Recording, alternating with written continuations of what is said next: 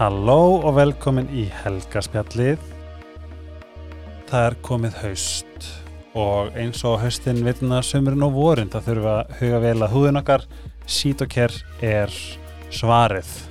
En þetta eru íslenska vörur sem hafa mjög græðandi, róandi áhrif eh, einstaklega fallan ljóma, sítoker.is facecreamið, serumið ó, oh, ángríns prófið bodylósunnið Ef það hefði ekki prófað sítuker þá mæli ég með travel kitinu því þið fengið allar vörur ódýrir með afstökkunum helgarspjallið inn á sítuker.is og þegar þið farið inn á sítuker.is c-h-e-t-o-k-r.is þá sjáum við líka árangur úr klinísk rannsókn á herskinni nails. Bara sjón er sögur ríkari.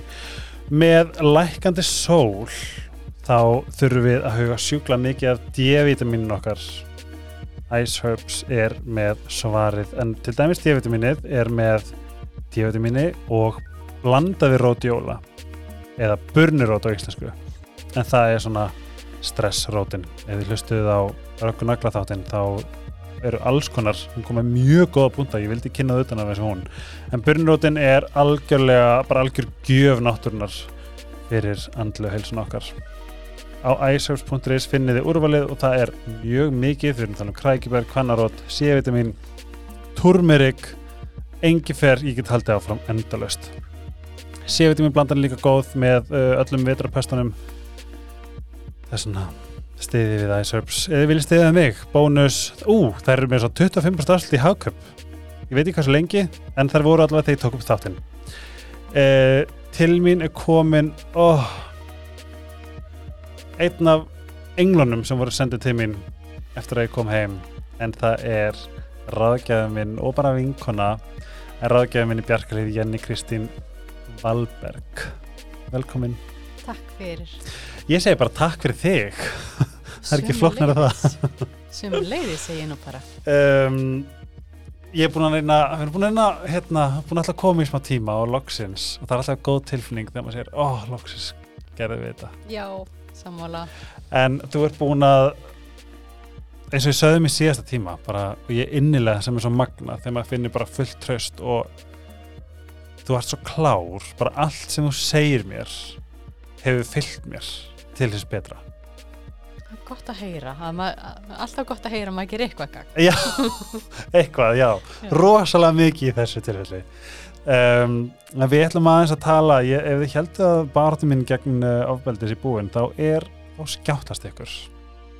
Ég mun uh, ég væri til að koma einhverja góða góð íslensk uh, góða svona íslensk svona saying en ég hætti þegar ég döður þú ert að vinna hjá Bjarkalíð og þú ert, ert, þú ert lærður félagsráðgjafi?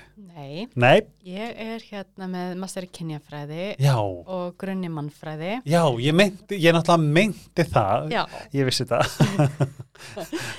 Það er, ó, já, já. Ég, ég skeita með þarna. Nei, nei, nei, nei, nei. Master í kynnifræði og mannfræði. Já, og svo tók ég svona viðbúta diplóm í óperu stjórnsýslu út að ég hafði ekkert að gera í vetur. Að Það? Já, Núni vetur? já. Vel gert. Mm Er það M-A-D-A? Ná, nei Nei, já, það er hérna uh, Já, náður mér hérna, það er, já, Eitthvað M eitthvað MPA MPA Já, Public Administration, já Var það í Háskóla Íslands? Já Geðvikt mm Hvað skrifaður um? Ég reynda þurfti ekki, út að ég tók bara viðbóta diplómi, þá Já. þurfti ég ekki að skrifa reytgera þessu sinni. Thank God Já, sammála þér. En sko það sem ég finnst það sem ég er rosalega forritin og mér er svo gaman sko núna fæ ég, þú því mér ert alltaf að hlusta á mig, skæla Nei, við, við myndum ekki orða núna fæ ég að spyrja þess björnum út Já, hvað er heldur upp á smaturinn? Mm, ég myndi segja rækjurétturinn sem að hérna maðurinn minn gerir, allt og sjaldan. oh my god, Mm minn líka en nema það er forriturinn að mömmu á jólunum Já, hvað er betra? ekkert. Án gríns Ekkert, ég finn lyktin á honum. ég líka og ég stel alltaf áður en að við borðum og ég let mömmu gera alltaf auka Já, Ó, en hvað verðum að tengja það? já, og bestur daginn eftir. lang bestur daginn eftir alltaf 25. þá borðaði ég hann Mm í su- sko, söm skál, sömu könnu ég er náttúrulega, sorry, nú er ég farin dröggli sko, Já, já, já. en ég tengi rosalega við þarna Já, þetta er bara stjórnum Steingate. Mm Já, ég ætlum ekki að spyrja þér svona eh, ég, ég gæti hefði komið með hraðaspurningar en við ætlum að fara í aðeins öðru spurningar. Ok, áður en við höldum á, áður en við svona förum í mál máluna hvaðan ertu?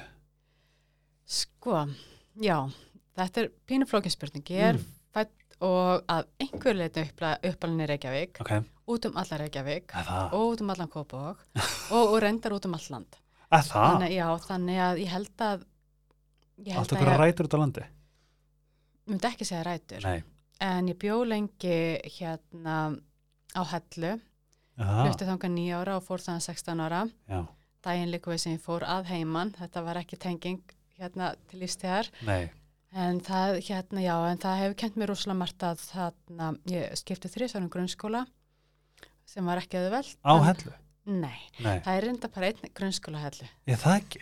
Já, Líka segja svo já, ég hef átt heim á Söðisfyrði Ha? Já, ég ætlaði að segja við þig en við höfum ekki tíma til þess vegna að þú komst inn á það. Að þú ætti rættu það Býttu, hefur þið búið á segðis? Já, Nei, sko, ég er frá segðis Við já erum að tala um frá sjö þá til dagurinn dags í dag. Mm Jú, í heilt ár. Manstu hvað húsi?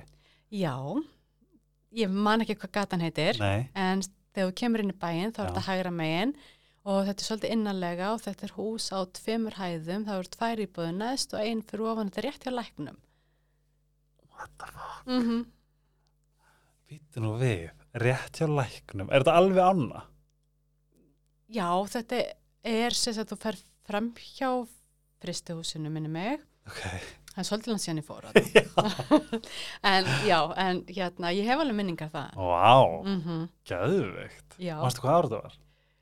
já, þetta hefur verið 78 Vá, og ég kvökti í hárunum minn á leikskólanum þegar ég átti ammali einmitt á seðisferði. Það er En svona kórminning sem að mun Já, aldrei ég var svo spennt og það var einn annar sem átti líka ammali alltaf eftir janúar og hann var á undan, Já. þannig að þegar ég átti að blása þá bara demdi ég mér í það. Með hárið öllu. Svolítið stengidalegt Já, ég fann að halda þessu aftur spenninginu sko að, þarna bara brast, brast eitthvað. Veistu hvort þú sért þú, þú virkar einhvern veginn ekki sem stengið Þú ert svo yfirveguð og svona það sem ekki rói við þér Já, en er það ekki svolítið stengið? Er það? Já, ég er bara til dæmis að ég fyrir búðinu þá kaupi alltaf sömu hlutin. Ég geng sama hringinu, ég sé ekki vörurnar í búðinni. Ég er svo mikið stengið. Ok, tengi smá Mm Bónus að krónan Krónan. Já, ok, Mm kann ekki alveg krónuna. En Nei. ég er pínu þar um bónus. Já, Þú veist. Kannski er mér stengið einhvers þar öruglega. En ok, þú ert sagt bara pínu út um allt en meira minna búin að vera á höfubrökkarsvæðinu þegar þú varst yngri. Já, og þú sem sagt, ú, hvernig varst þið í mentaskóla? hvernig, hvar var ég eða Já, hvernig svona, var ég? hvernig svona stereotypa varst Ó, já, ég byrjaði FSU en Já. hérna var bara halvt ár þar og fór svo í bæinn út af já, ámælinn náttúrulega janúar sem Jú, jú, verandi stengið og hérna fór þá í FB ah, og það var bara reykærbyggið sko. Og hérna ég var endar að læra sjúkralegan Já, það samræmdist ekki alveg en hérna en þess að milli sem ég var varst Ég- rebel? mm, svona upp að vissu marki, já ég gekk í frekkanum að safa og hérna og rekti pakka dag og svona. Nei. Jú, jú, jú, jú. Ó, ég vildi ekki þetta séð hana. Þetta er svona, þetta er svona þú ert bæðið, þú ert glæslega í dag og þú ert svo svona, þú ert svo það er svona, það skínaði hvað þú ert svona ljúf og þú ert svo caring orka, skilur og bara svona hugsa til þér vera eitthvað með síkó og einhverjum jakka af afa, finnst það ógislega gaman. Já, þetta er svona maður kannski, maður fæðist kannski ekki með yfirvegun miðaldra konu sko þannig hérna, Já, ég var alltaf gott þar, sko. Já, ég var bara með ælanir og svart hár og, já, örgulega verið svakalega og flott sjá hvað við erum yfirvegaðar meðaldra kettlingar í dag. Já, já, við þarna bara svo skvísunar einmitt, við bara hérna svona voða stílrein og frín og hrein í dag. Ok, sko, ég, það er eitt sem að við náttúrulega, sem að ég líka, sko, enn og aftur, þá erum við hérna til þess að, fyrir ykkur hlustendur til þess að skoða og skilja og læra svolítið á þessa ofbeldis, um, kannski bara, kannski segja menningu, en svona ofbeldis konsept, hugtakið, Mhm. hvað, hver, þú veist, reynsla hvers og eins er yfirleitt ekkert rosalega ósvipuð.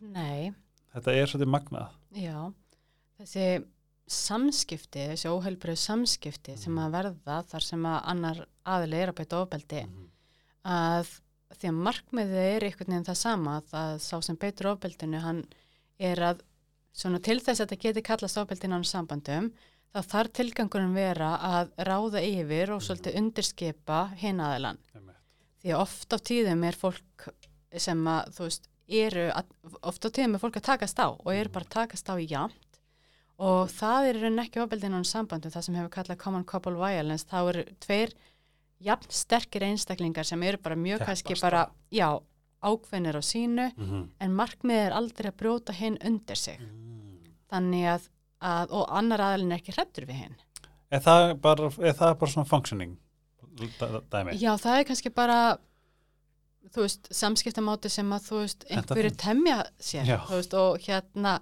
og svo lengi sem að fólki líður ekki illa eða, eða er með niðurbroti eða, eða, eða hérna já, eitthvað svona eitthvað svona, eitthvað atbeina.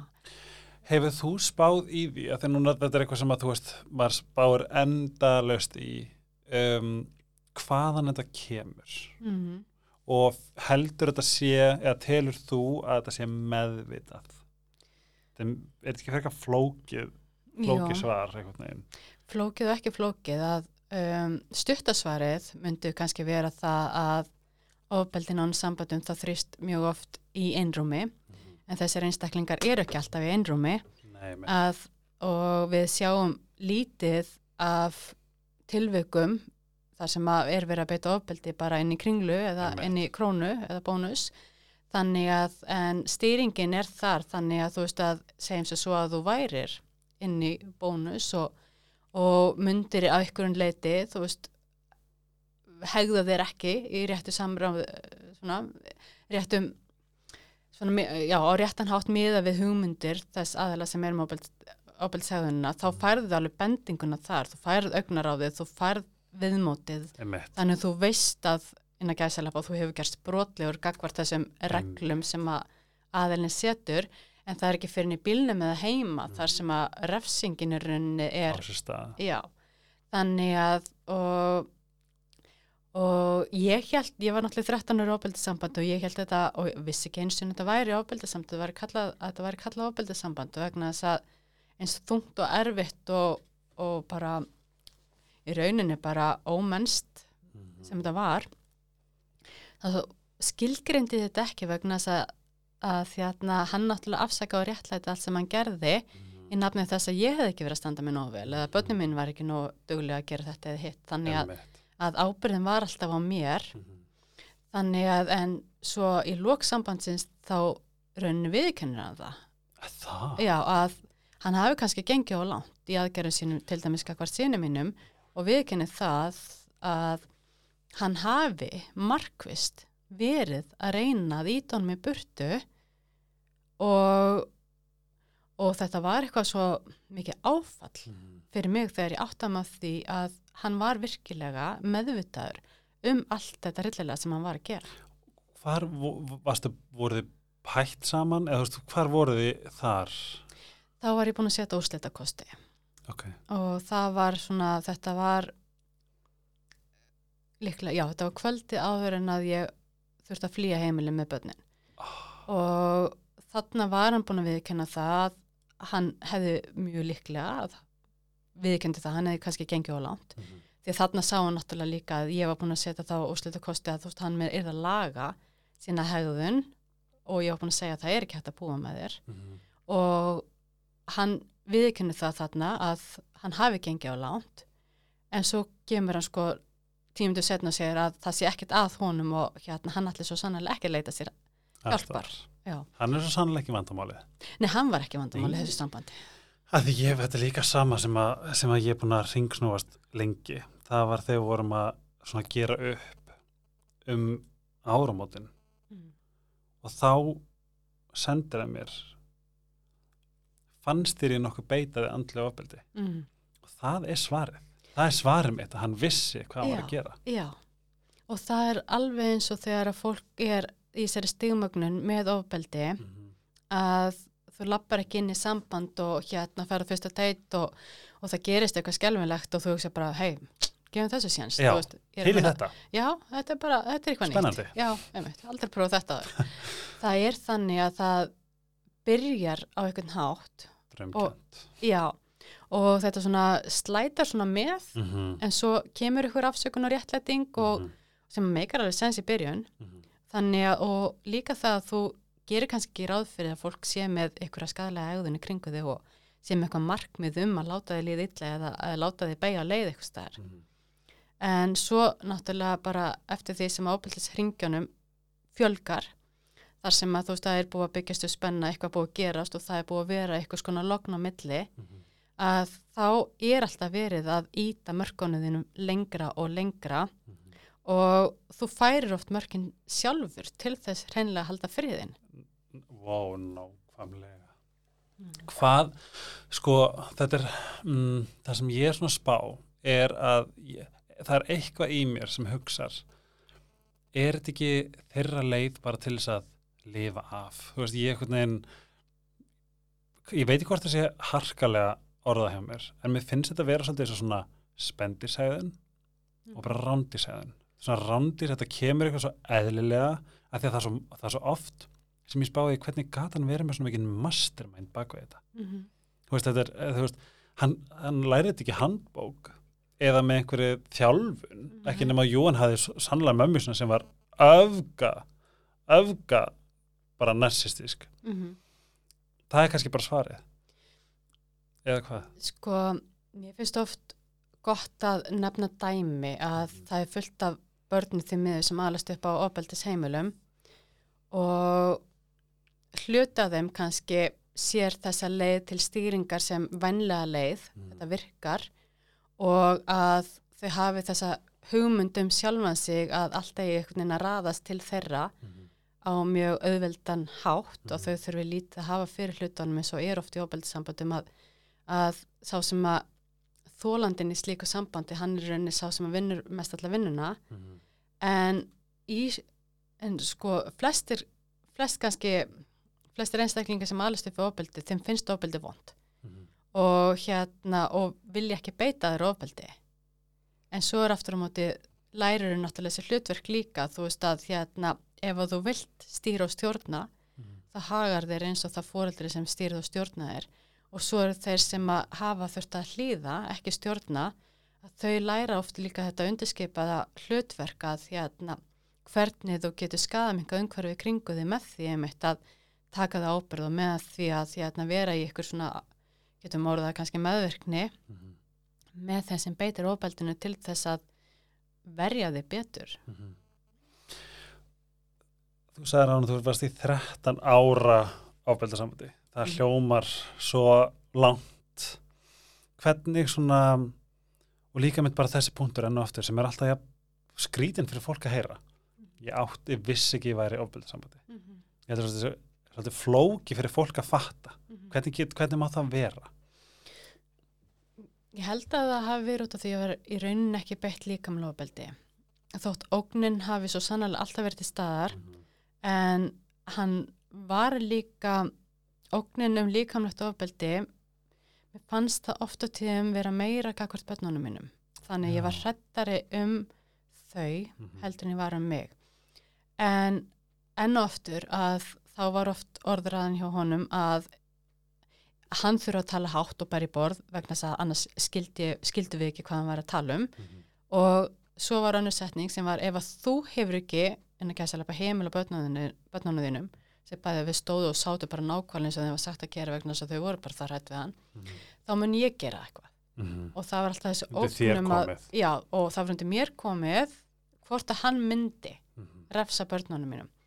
En ég held að svona til að byrja með vegna sem ég man alveg eftir atveki í svona til til að snemma í sambandinu þar sem að þú veist hann gerir hlut sem að var enga minn ásættanlegur og ég manni ég fór bara út af bílnum og ég sagði bara þetta er nú meira fýblið Mhm. bara þú veist og ég bara svona tók börnin út af bílnum og fór inn og bara feinan hefði spólaði burtu þar sem ég hafði greinlega hérna þú veist, mörkin mín, ég, ég gatt sett mörkin og Já. ég gatt staði við þau svo hugsaði ég bara, þú veist, mánuði setna í minningunni, sko, þá kemur upp annað atvik þar sem að ég var gjörsamlega frosin að, og hvað gerðist þarna á milli, þannig að þetta ég held að það að vit ekki að þú sért í opildisambandi sé það að það kemur bara, þú veist, svona áfall og hún áfall og á endanum ertu svolítið bara að lifa af frá degi til dags vegna þess að álægið er orðið það mikið það er kannski ekki svona mikið upphafi en það gerist rosalega fljótt að frá því að ég fyrir að búa með honum sem var 20. og ég man það 25. ágúst 2002 og að aðfangat jóla þá stendi í þótt á sig og loka hörðin og hugsa bara komin þarna einhverja mánu að leið með okkar barn. Og hugsa bara í hverju er lent? Já. að þá bara var ég með fyrstu rökréttu hugsunina bara hvað hef ég gert? Ég er búin að selja ofan á mér ég er hann ófrisk, ég er með tvö önnur þú, þarna sex og áttara börn. Hvað get ég gert? Og stutta svari var bara setja hausin undir að halda áfram. Vá, þú veist að því að na, vegna þess að það var líka bara þannig að þú veist að, að ég hafði kannski ekkert mikið bakland á þessum tíma og það vildi ekki íþingja til dæmis föðum mínum, þú veist hérna stúmaða mín var nýbúin að fara í gegnum mjög erfiðar krabbmessmeðferðir og móðu mín var ekki á þeim stað hún gæti aðstofað og hérna þannig að það var einhvern veginn ekkert annað að gera en bara þú veist að að reyna að sigla þessu. fara bara á nefan Já. Er þetta, til dæmis þetta dæmi útskýri þetta ekki líka svolítið oft mikið af einmitt þessum ég sagði það áðan áður en við byrjum man bara mynd sem ég sá á Instagram 2014 það sem ég var bara, ég ringi vinkunum mína og segi ég var að fara bæði úr sambandunum okkar og leiða okkur íbúð Mhm. og hætta þessu veist, það er, maður vissi þetta innst, það, er, það er eitthvað sem veit Já. þetta innsæs, innsæsrödd sem er bara að vernda mann í döðlur Mhm. en það er svo ótrúlegt og það er, svona, er svo mikilvægt að við opnum á einmitt þetta, einhver heyri svona, Mhm. að því ef einhver finnur sig inn í skáp að hugsa nákvæmlega sama þá Mm. þýðir það bara get the fuck out Já, ef hugsunni kemur upp, mm -hmm. þá er mjög líklega rétt. Vá, einmitt hvað um, þú veist, 13 ár þetta er náttúrulega væntalega þú veist, eins og þú sagðir á hann og ég tengi svo 100% við þetta hver einsi dag snýst bara um að lifa af og Já. vona eftir betra degin í gær Mhm. sem er líka einkennandi við ábyrðisamband hvað var svona hvað var að segja svona breaking point hvað var svona fyrir þig Í lokin, hvað gaf þér hugur ekki til að segja veistu? já. Ég var búin að, sko, ég náði ekki að klára þennan fína, hérna, þessa fínu skólagöngum minn FB á þeim tíma að hérna, því að ég hafði farið heima 16 ára og, og var búin að hérna, vera að djögla þessu að hérna, vera í skóla og vera í tveim vinnum og ykkur svo les og ykkur um tímapunkti þá bara var það mikið, það er farið hérna, starfsnámi sjúkraleganum og, veist, og bara ílengdist þar í vinnunni. Þannig að hérna að ég held að að og þú veist, þú hafði alltaf þennan draum um að halda fram í námi. Og eftir að, og þegar ég var sett, með fyrir fyrirhandi, þú veist, sem ég átti tvö, tvö eldri börnin, þá var ég byrjuð að, að reyna þú veist að klára þetta og svo skildi við, þannig þá einhvern veginn fór ég að vinna tvöfald aftur og þannig að þú veist, ég var aldrei búin að ljúka sem áfanga Mhm. þannig að einhverjum tímapunkti, líklega í kringu 2013 þá fer ég, skrá ég mig í fjarnámi hérna FA Mhm. sem að ég mæli með að bara 100% Já, og ég næð þar í raunin að klára og hérna það sem ég vantaði upp á í fjarnámi og byrja að skráa mig í HÍ í mannfræðina haustið 2015 og það var eitthvað sem gerðist þar. Að bara það Já þú ert ennþá með hann 2015 já, Vá, já, nei, já, ég byrjaði 2014, nei, 2014 í Mhm. hérna HÍ fyrirgjöð 2015 skilja og það var eitthvað sem gerðist bara hérna við það að að ná þessum áfanga. Ég með að búið dreymum þetta þannig var ég orðin hvað, 42 ára Mhm. að, og mér var búið dreymum það að komast í háskóluna bara frá því að ég var úlingur Mhm.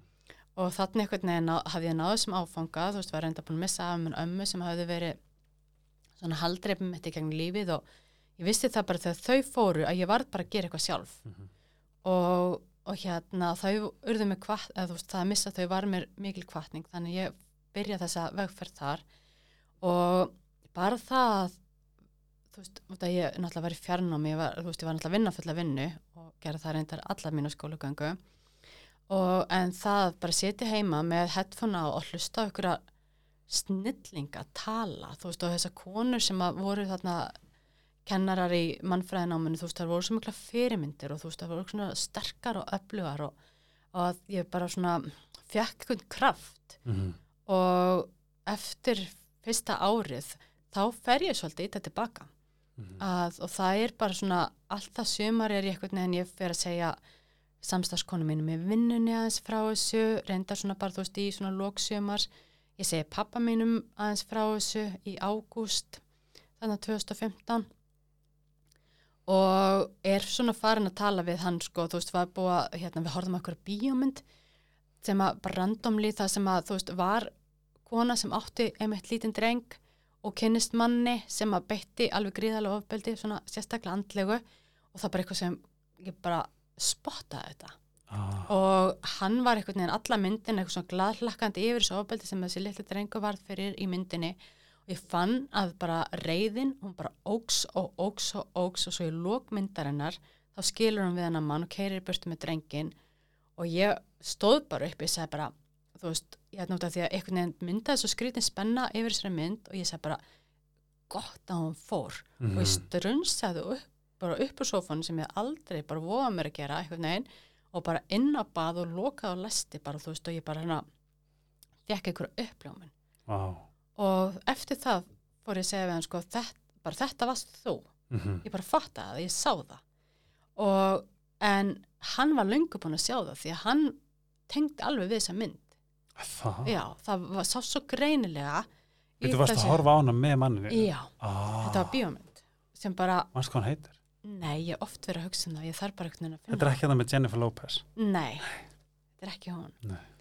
En allavega þar fyrir ég að setja svona aðeins mörg og svona aðeins og bara að segja þetta er ekki að ganga og þetta og hitt og eitthvað svona og þú veist og, og við meiri sér áttum ferð hérna, áttum að fara til Tenerife þarna einhvern tímann í september minni mig og hann fyrir eitthvað að segja, þú veist bara, já hvað með þessa ferð, þú veist hvernig verður þetta? Og ég var bara svona pollróli bara, haf þú ákjör á þér, ég hugsaði um mig. Vá. og við förum þarna út og hann einhvern veginn lofa svolítið bót og betrun. Við komum heim og bara viku setna þá var hann fann að pöngast í stráknum minnum aftur. Og þá er eitthvað sem brestur sko veist og hérna og ég setja hann bara mörg og segja að það er ekki hægt að búa með þér. Mhm. og þá í fyrsta skipti þá stimmögnaðist ástandið þannig að ég varð virkilega hrædd. Ég held að bara hreinlega hann myndi drepa mig eða hann.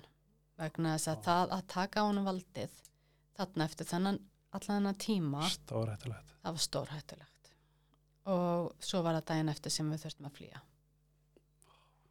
Þannig að það var bara ástandið orðið óbærilegt. Og þú flúðir og leist aldrei tilbaka. aldrei tilbaka. Vá. það var bara það, hann, það kvöld og þann morgun daginn eftir þar sem hann gekk bara bersaksgang og hérna það bara hætti líftúrunum mér og, og dóttur okkar að þá hérna þegar hann loksist rauk út og hérna og keirði í burtu þá var ekkert annað að gera en bara pakka í kvelli og hérna og ég hringdi í pappa minn. Hafði reynda sko þú veist þarna fyrir morgunin þú veist þetta, þegar þetta byrjaði hann, þetta byrjaði því hann segir ertu búin að taka ákvörðun? Mhm. og ég veit ekki hvað gaf mig kjarkin til þess að segja já, ég ætla að skilja vegna þess að ég vissi það alveg að það myndi eitthvað gerast við það sem gerðist, hann alltaf bara misti, algjörlega stjórna sér og, og bjóð til eins mikla háfaðastjórnun og mögulega gat með því að kasta hlutum og skella hörðum og, og skella skuffum og, og, náttúrulega öskra á sér lungun. Og svo ríkur hann út. Ég tekur síman og ringi pappa en hann kemur inn áður en pappi svarar þannig ég skelli á og hann heldur áfram djölganginum og ofan í það ringi pappi stuðut þannig að þú veist það bætist í ástandið háfað ástandið. Mhm. og svo loksist ríkur hann í burt og þá ringi ég bara pappa og segi, herru, við erum bara að fara. Og, og ég vissi ekkert hvert við ættum að fara. Nei. vegna þess að allan þennan tíma hafði ég verið út af því hafði enga stað til að fara og líka í þetta samband að engendist náttúrulega miklu andlega ofbeldi en aðalega líka fjáraslega ofbeldi. Mhm. Þannig að ég hafði aldrei neitt, neitt svigrum. Ég var oft búin að setja yfir blöðunum og skoða hvað kostar að leia herbyggi íbúð þetta og hitt og en það samræmdist aldrei hérna bara mínu budgeti Mhm. ofan á það alltaf þegar að í hans svona þegar hann færði mörkin mín þá var það alltaf fjárháslega mörkina þannig að, að og hann tók ekki til dæmis þátt í að reka börnum mín tvö hinn þannig að þrengdi alltaf meira og meira fjárháslega að mér þannig að ég átti bara oft erfitt með að eiga mat fyrir þau átt mánuðin og þú veist við, þannig lifði ég bara í mörg ár Málið er að fjárhagslapeti er svo lúmst. Hann, minn var, faldi að þannig að það var svona, þú veist ekkert hvað það gerir, ég skal bara sjá um þetta. mm En sérðu hvað ég er ógeðslega góður að hjálpa þér. Akkurat Ég er í hversu oftan bara hversu rifrildi og alls konar viðbjöður var út frá því sem að ég sagði en, en þú vildir Mhm. sjá um þetta. Já, Það er svona, ég skil ekki alveg af hverju við erum að þessu, eitthvað svona, þú veist, hérna, en það er alveg líka skaffarinn ég að skaffa. hafa þetta vald að Mhm. geta, þú veist, styrt þessu og það var sko, þú veist, ég sá um innkaupin Mm. þú veist af hverju geftur þú tvær ferðina mjölk Mhm. þú veist, þetta var svona alls konar það, þetta er alltaf þetta sama, bara ha, hvað ættu við? einmitt, allt er að hissa. Þetta, var svona, þetta rennur út eftir eina hálfa viku. Já. hvað er vandamáli? Veist, þetta er alltaf þetta sama what the fuck sem að renda með, bara hvað þú veist, og ég sé það núna í dag hvað þetta var hvað þetta var mikið fjárhagslega.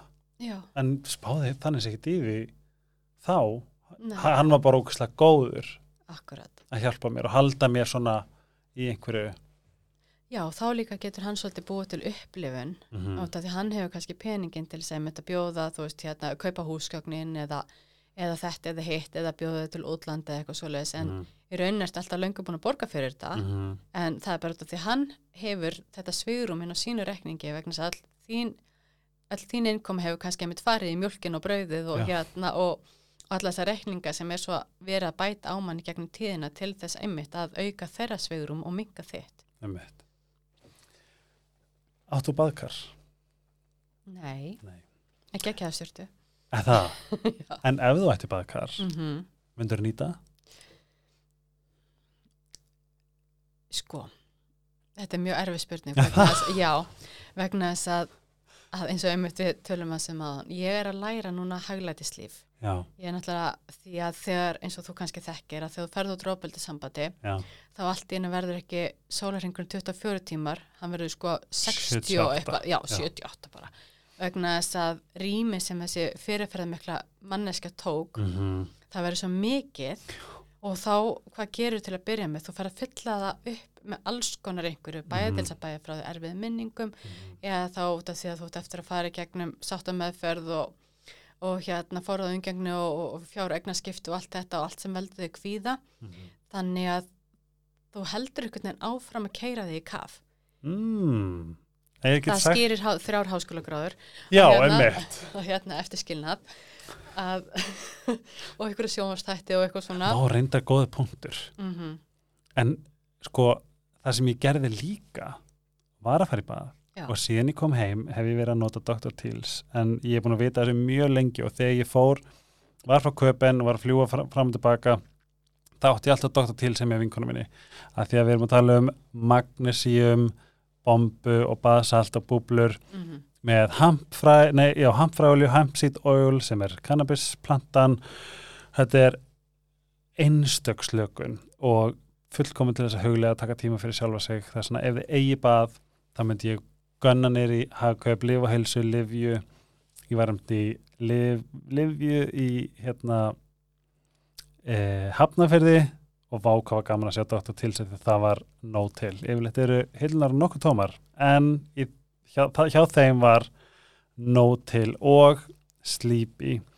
Ég er byrjar að sofa á slípidínni og vá, ég eftir að koma með rúmbott en þessi dína er mesta mesti unaður sem ég veit um. Ég sef yfirleitt eins og bad en ég tek alltaf magnesium, fer í magnesium bað Magnúsum hérna frá iSerbs og Sleepy er bara bæta hún í þetta. Sleepy er í vest sem er vest.is eða vest í ármúla mæli með að fara að pröfa á Jónvirvin sem mun taka vel á mót ykkur og pröfa þessa dýnur af því að þær eru hinga til unaður en þetta er svo fyndið að segja þetta með að halda sér busy. Af því að ég er nýbúin að fatta hvað er ég að gera. Að vera ég, og þetta er algjörlega ómeðvitað. Við erum að tala um bara þegar ég er upp í sófa þá það er samt að vera að gera eitthvað. Þegar ég er að gera þetta þá er að vera að gera eitthvað þú ég er ennþá að þessu. Já, en það er líka að bæði það að með því að einhvern veginn halda allir og regla eitthvað svo leist, það hefur stjórn á því sem þú getur haft stjórn á. Já, og við lærum, við aflærum það mjög sent í þessu ferli að einhvern veginn að sleppa tökum á því því að við finn, þú veist, það er búið að búa til ykkur svo mikið skuldbindingur á ykkur þegar maður er í opeld sambandi að þérna og man, maður upplifir að maður sé að ekki að standa sig ef maður er ekki að gera eitthvað. Absolutt og þannig að ég held að og ég held að þetta er nú allir að fá sér svona magnísíum og hérna, ég hugsa Bara- ég þarf bara að fá mig bað vegna þess að, að það er líka það að mega taka tíma fyrir sjálfa sig -hmm. sem að hérna skortir yfirleitt alltaf í ofbeldissambandum vegna þess að ef að þú þarf tíma fyrir þig þá þarf sá sem er með ofbeldissæðuna meiri tíma fyrir sig. Ah, ef þú verður veikur þá verður hann veikari. Að því að þann, vegna þess að manneski með ofbeldissæðun hún ætla svo sannarlega ekki að sjá um þig mm -hmm. nema ef hún virkilega þarf þess en þá er einhvern veginn refsar hún því mjög líklega fyrir það aðeins setna þannig að ég held að þetta sé, veist, þetta með baðkarið, það er eitthvað sem að ég definitely hefði öruglega þurr og hérna og öruglega notað en Já. hérna en einhvern veginn að það tók langan tíma, þú veist, út af því að þetta bara búið að vera mjög langt úrvinnslu ferli líka Mhm. og, og maður er svona alltaf einhvern veginn að læra nýjar nýja hliðar á Og því hvaða, þetta hafði mikil áhrif. það er nefnilega fyndi nei það er ekkert fyndi, það er rosalega störla Já. og oft, oft þegar ég held að ég er bara svona jæja, nú er ég bara búin að áttam á þessu. Þá Mhm. kemur bara ný, hún Steinum Þóradóttir ég mæli með þættin með hennar. Steinum Þóradóttir, rosalega frásögn. Og hún er ógeðslega klár.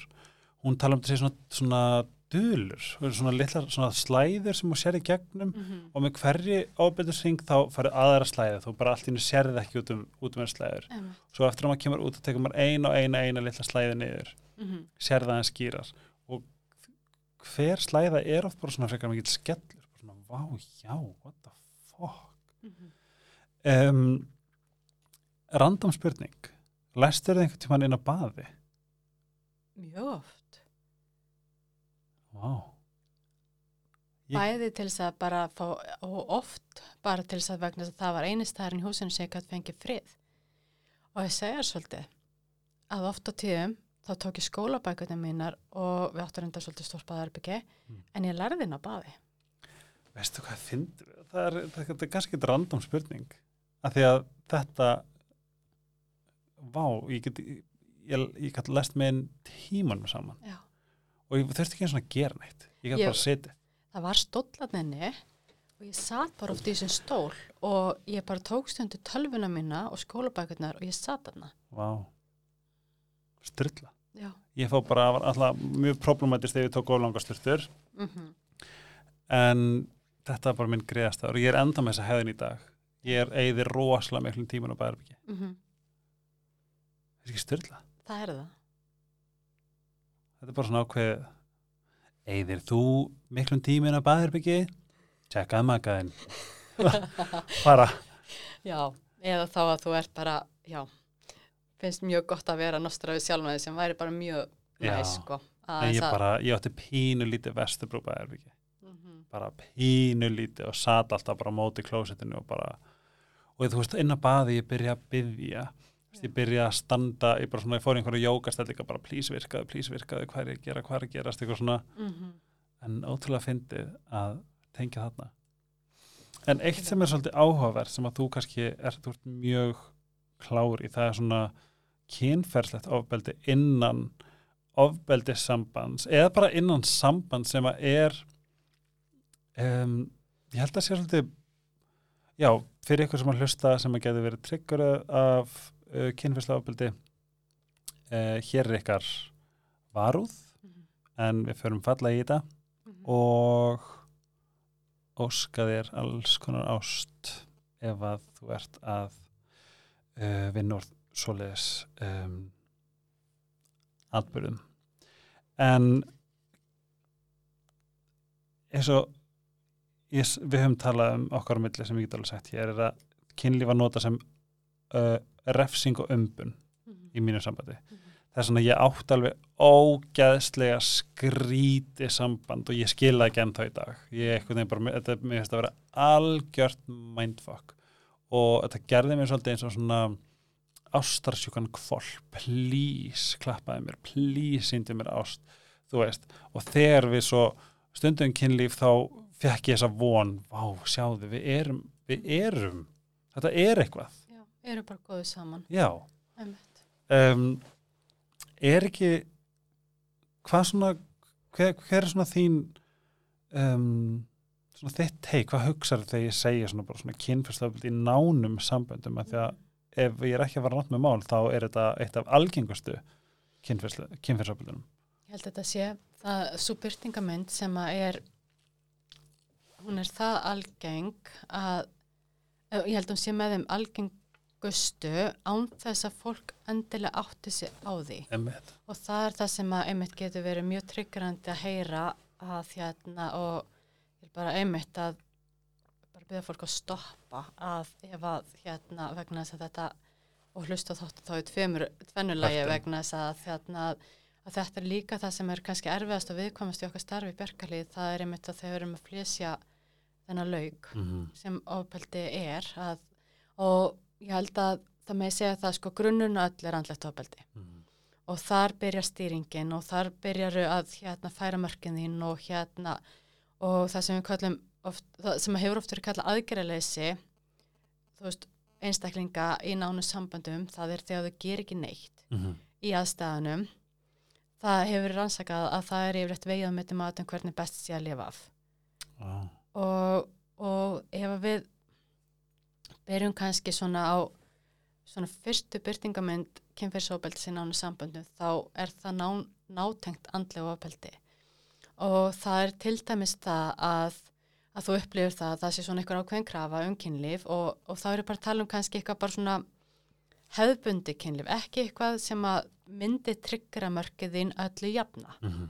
heldur bara eitthvað sem að þú bara ert, ert yfirleitt bara svona, þú veist, rólegur með. Og en, en þú finnir það bara eins og bara fólk er bara, þú veist, bara misjaflega stemt að bara dagsformið þetta er bara þannig til langar ek- ekkert sérstaklega í kynlíf, gæti bara verið þreyttur eða illa fyrir kallaður eða bara ekkert sérstaklega skotin í makanuðinum þessa stundina. Og hérna, en þú finnir að það er, er að myndast þessi, þú veist, tilfinninga eða krafa um það, þú veist, að, að hinaðalinn vilji kynlíf. Og það sem er svona fyrsta byrtingamyndin er að ef að þú getur ekki sagt bara æ, elskan, þú veist, bara útla- að- já, bara elska þig en bara er ekki alveg upplöð eða upplöður og bara, þú veist, hefur ekkert með þig að gera bara eitthvað, bara þú veist, þú getur einhvern veginn ekki átt neinn samskipt um það að þið langi ekki kynlífi kynlífið, heldur vegur og metur það að, að því að, út af því að þú veist að ef þú myndir segja að þá myndi eitthvað gerast. Manneskja myndi æsa sig, hún myndi fara kannski að tala niður til þín, það myndi vera haldaði, þeir eru þið haldið vakandi eða þá einhver refsing refsing, jafnvel er koma helgi, börnina, þú veist, vera heima, ekki skóla eða leggskóla Mhm. og þú leggur ekki í aðstæðnar þannig að þú í rauninni gefur eftir líkamann þinn til þess að halda friðin. Mhm. En leiður komin í þessa stöðu þá ertu rauninni að verða fyrir kynferðslu ofbeldi Mhm. og það er líka oft þessi krafa í áði í máðig að, að þá eitthvað neginn ef að þú ert búin að segja tvisvar nei þá bara er ekki búið að segja einsunni viðbútt nei Ah. eða eitthvað kynlífstagatal, þú veist að bara í, þú veist að bara regla að hérna bara hér í okkar þessu sambandi þá skal vera stunda kynlíf Mhm. hérna x mörgu sinnum í viku og að þú, og jáfnvel mert við og ef þú deliverar ekki þá ert þú að hérna bregðast eða eitthvað svo leiðis Mhm. en það er bara þannig með kynlífa þú veist að, að ef að við okkur líður illa við erum jafnvel að verða fyrir ofbeldi Mhm. eða bara við erum þreytt að illa fyrirkvöldið, Mhm. það langar okkur ekkert sérstaklega í kynlíf og það er bara eðlilegt. Mhm. Þannig að þegar þú ert í ofbeldissambandi þá er alveg eðlilegt að þið langar ekkert sérstaklega mikið í magaðin Mhm. og hefur ekkert endilega frungkvæði Mhm. eða langar að fara í eitthvað fantasíur eitthvað svoleiðis vegna þess að þú tröstið er jafnvel ekkert í staðar. Mhm. En svo líka það að það- mörkin þín, þetta sem að innri áttavitið þinn, þetta sem krumpa saman inn í bringunni þinni þegar þú ert beðin um að gera eitthvað sem að þið finnst kannski ekki samramest þér eða þú ert trættur við eða, hérna, eða bara skrítið eða óþægilegt, að það er merkið sem að kerfið þetta er að gefa Mhm. í þessum aðstæðum. Þannig að þegar þú einhvern veginn svona krumpa saman, þú veist, þegar það er verið að byggja þau um einhvers konar kynlífi eða kynlífsatatnu, þá er eitthvað að segja þér að þetta er eitthvað sem þú vilt ekki. Hvort sem það er í þetta einaskipti eða bara yfir höfuð. Mhm. Og þá má ekki nýða svo að pressa um mörkin þín. Hvort sem það er að þú veist bara að fara í fíl yfir því að þú viljir ekki stunda kynlífi eða fara í fíl út að þú viljir gera þetta þið hitt, skilur þau. Mhm. Suð Já. er kynferðsaldafaldi. Já, vegna þess að uh, þvinga samþykki er ekki samþykki. Þvinga samþykki er ekki samþykki. Nei, þannig ef að þú veist að vera að segja sko, æ, gerða, gerða, hvað heldur ég myndi meiða þig, þú veist, hvað heldur að, þú veist, ég heldur að, þú veist, stressturum er ekki. Já, þú nennir Að- aldrei. Já, en líka bara, þú veist, að setja þig ykkur svona dæmandi stöðu, þú veist, að eins og hvað maður að segja, segja, hvað heldur ég myndi meiða þig? Mhm. Uh, já, Já, þú veist, einmitt. að það er það sem ég virkilega held en hvað myndi gerast ég myndi segja það að þetta er rosalega flókin samskipti Mhm. vegna þess að þú ert alltaf að hafa áhyggjur af afleðingunum Einmitt. og svo er líka þetta þessum kallum stundum húsbóndavald það þessar gömlu hugmyndur um það þú veist, að, að, að kynlíf sé ykkur ákveðin réttur sem að viðkomandi eigi að fá Mhm. að, að það tilheyri sambandinu að stunda kynlíf Mhm. þú veist, þetta er ekki rétt Nei. Það er líka það sem ég hugsa þegar þú segir þetta er hvað er mikilvægt fyrir alla sem er í samböndum að tala um þú veist sérstaklega þeir sem er í heilbrjóðum samböndum mm -hmm. að, að þú veist vera með þetta svona þú veist þegar ég þú veist að, að þú veist setja þú veist bara, bara þessar línur bara þú veist bara ástu mín þegar ég segi nei þá er ég að meina nei bara já ekkert mál veist þá færði, þá færði væntalega skilning tilbaka Mm -hmm. uh, það sem, það sem var svo fyndið það- þegar þú segir þetta er ég að hugsa sko ég þurfti alltaf að hafa frumkvæði Mhm. og það, það er frustrerandi og þarna alltaf vissi ég ekkert hvað var í gangi Mhm. um, ef ég tók ekki frumkvæði Mhm. og honum langaði að stunda kynlíf Mhm. þá var vesen, þá fór Skilurðu? mér fíl út af þig þá var refsing og ég einhvern tímann var algjörlega gegnsær með bara svona, veistu, ég ætla bara að prófa Mhm. að aldrei koma með frumkvæði mm sjá hversu lengi það mun Mhm. taka þig að bara, taka viðkynna frumkvæði. það að, að hún er langið þessi samskipti með þér já, og ég, og þú veist, þarna, ég var alltaf að leita að lausna, þú veist, þú, það er engin skömbak við að vilja kynlíf, þú veist, þú Mhm. mátt bara, mm þú veist, -hmm. mátt láta mig vita hvenær sem er þetta gyrnum, skilju. Mhm. Það var fucking shitfest, sko. Mhm. Þá, þarna var, það, hann tók því bara eins og ég væri að hæðast á honum, eins og Mhm. ég væri bara að móðgan, Mhm. þú veist.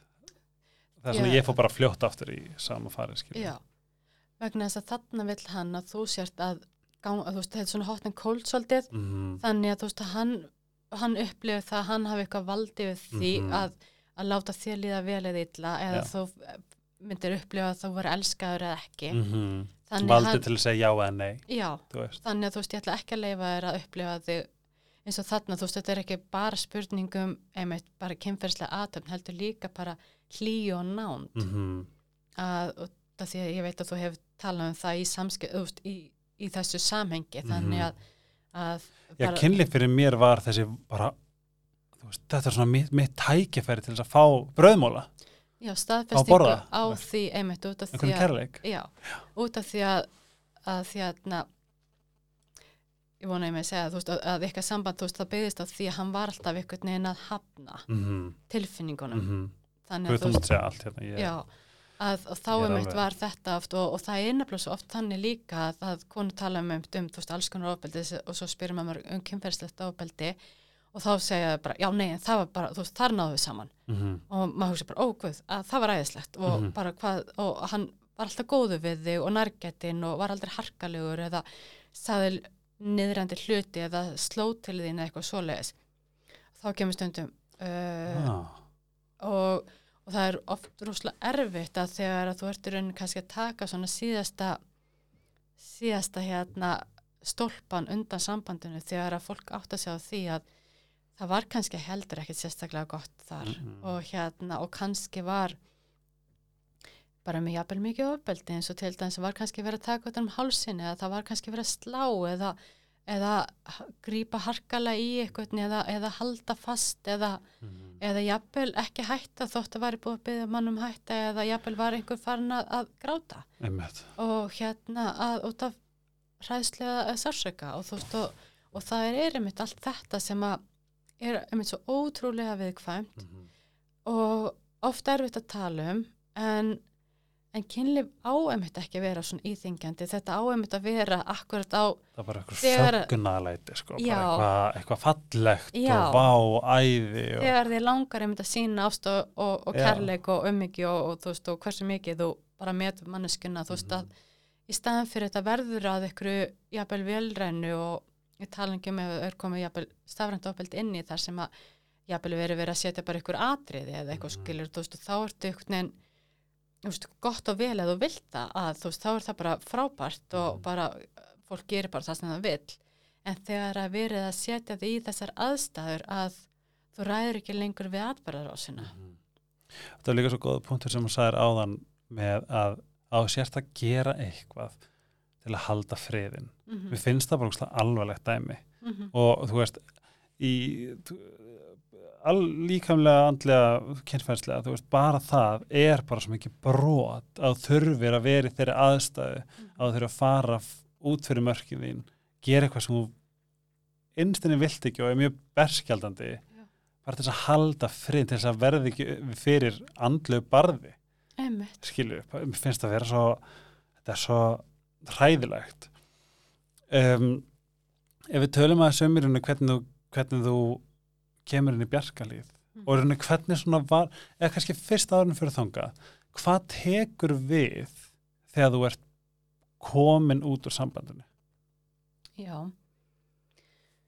Það sem kannski er erfiðast að þessu öllu saman vegna þess að, að fara frá manneskum ábældsæðun er það hættulegsta sem hann gerir á lífsleginu vegna þess að þegar að manneska missir tökin þá tekur hann upp á alls konar hlutum -hmm. og, og það svo sem og það gerðist að hérna að, að fyrir að fyrsta þá náttúrulega flúði ég á heimann þannig að hann skipti um sílendir og þú veist og neitaði að skila með fötunum mínum og svo leiðis það er Og- bara ennþá gangið mér sko. já er og einmitt og hérna þessi stýring þú veist að þú átt ekkert hér það er ekkert hér sem tilherir þér og allt what? þetta mm Er og þetta, er þetta, er þetta hérna, er þetta partur af þessu?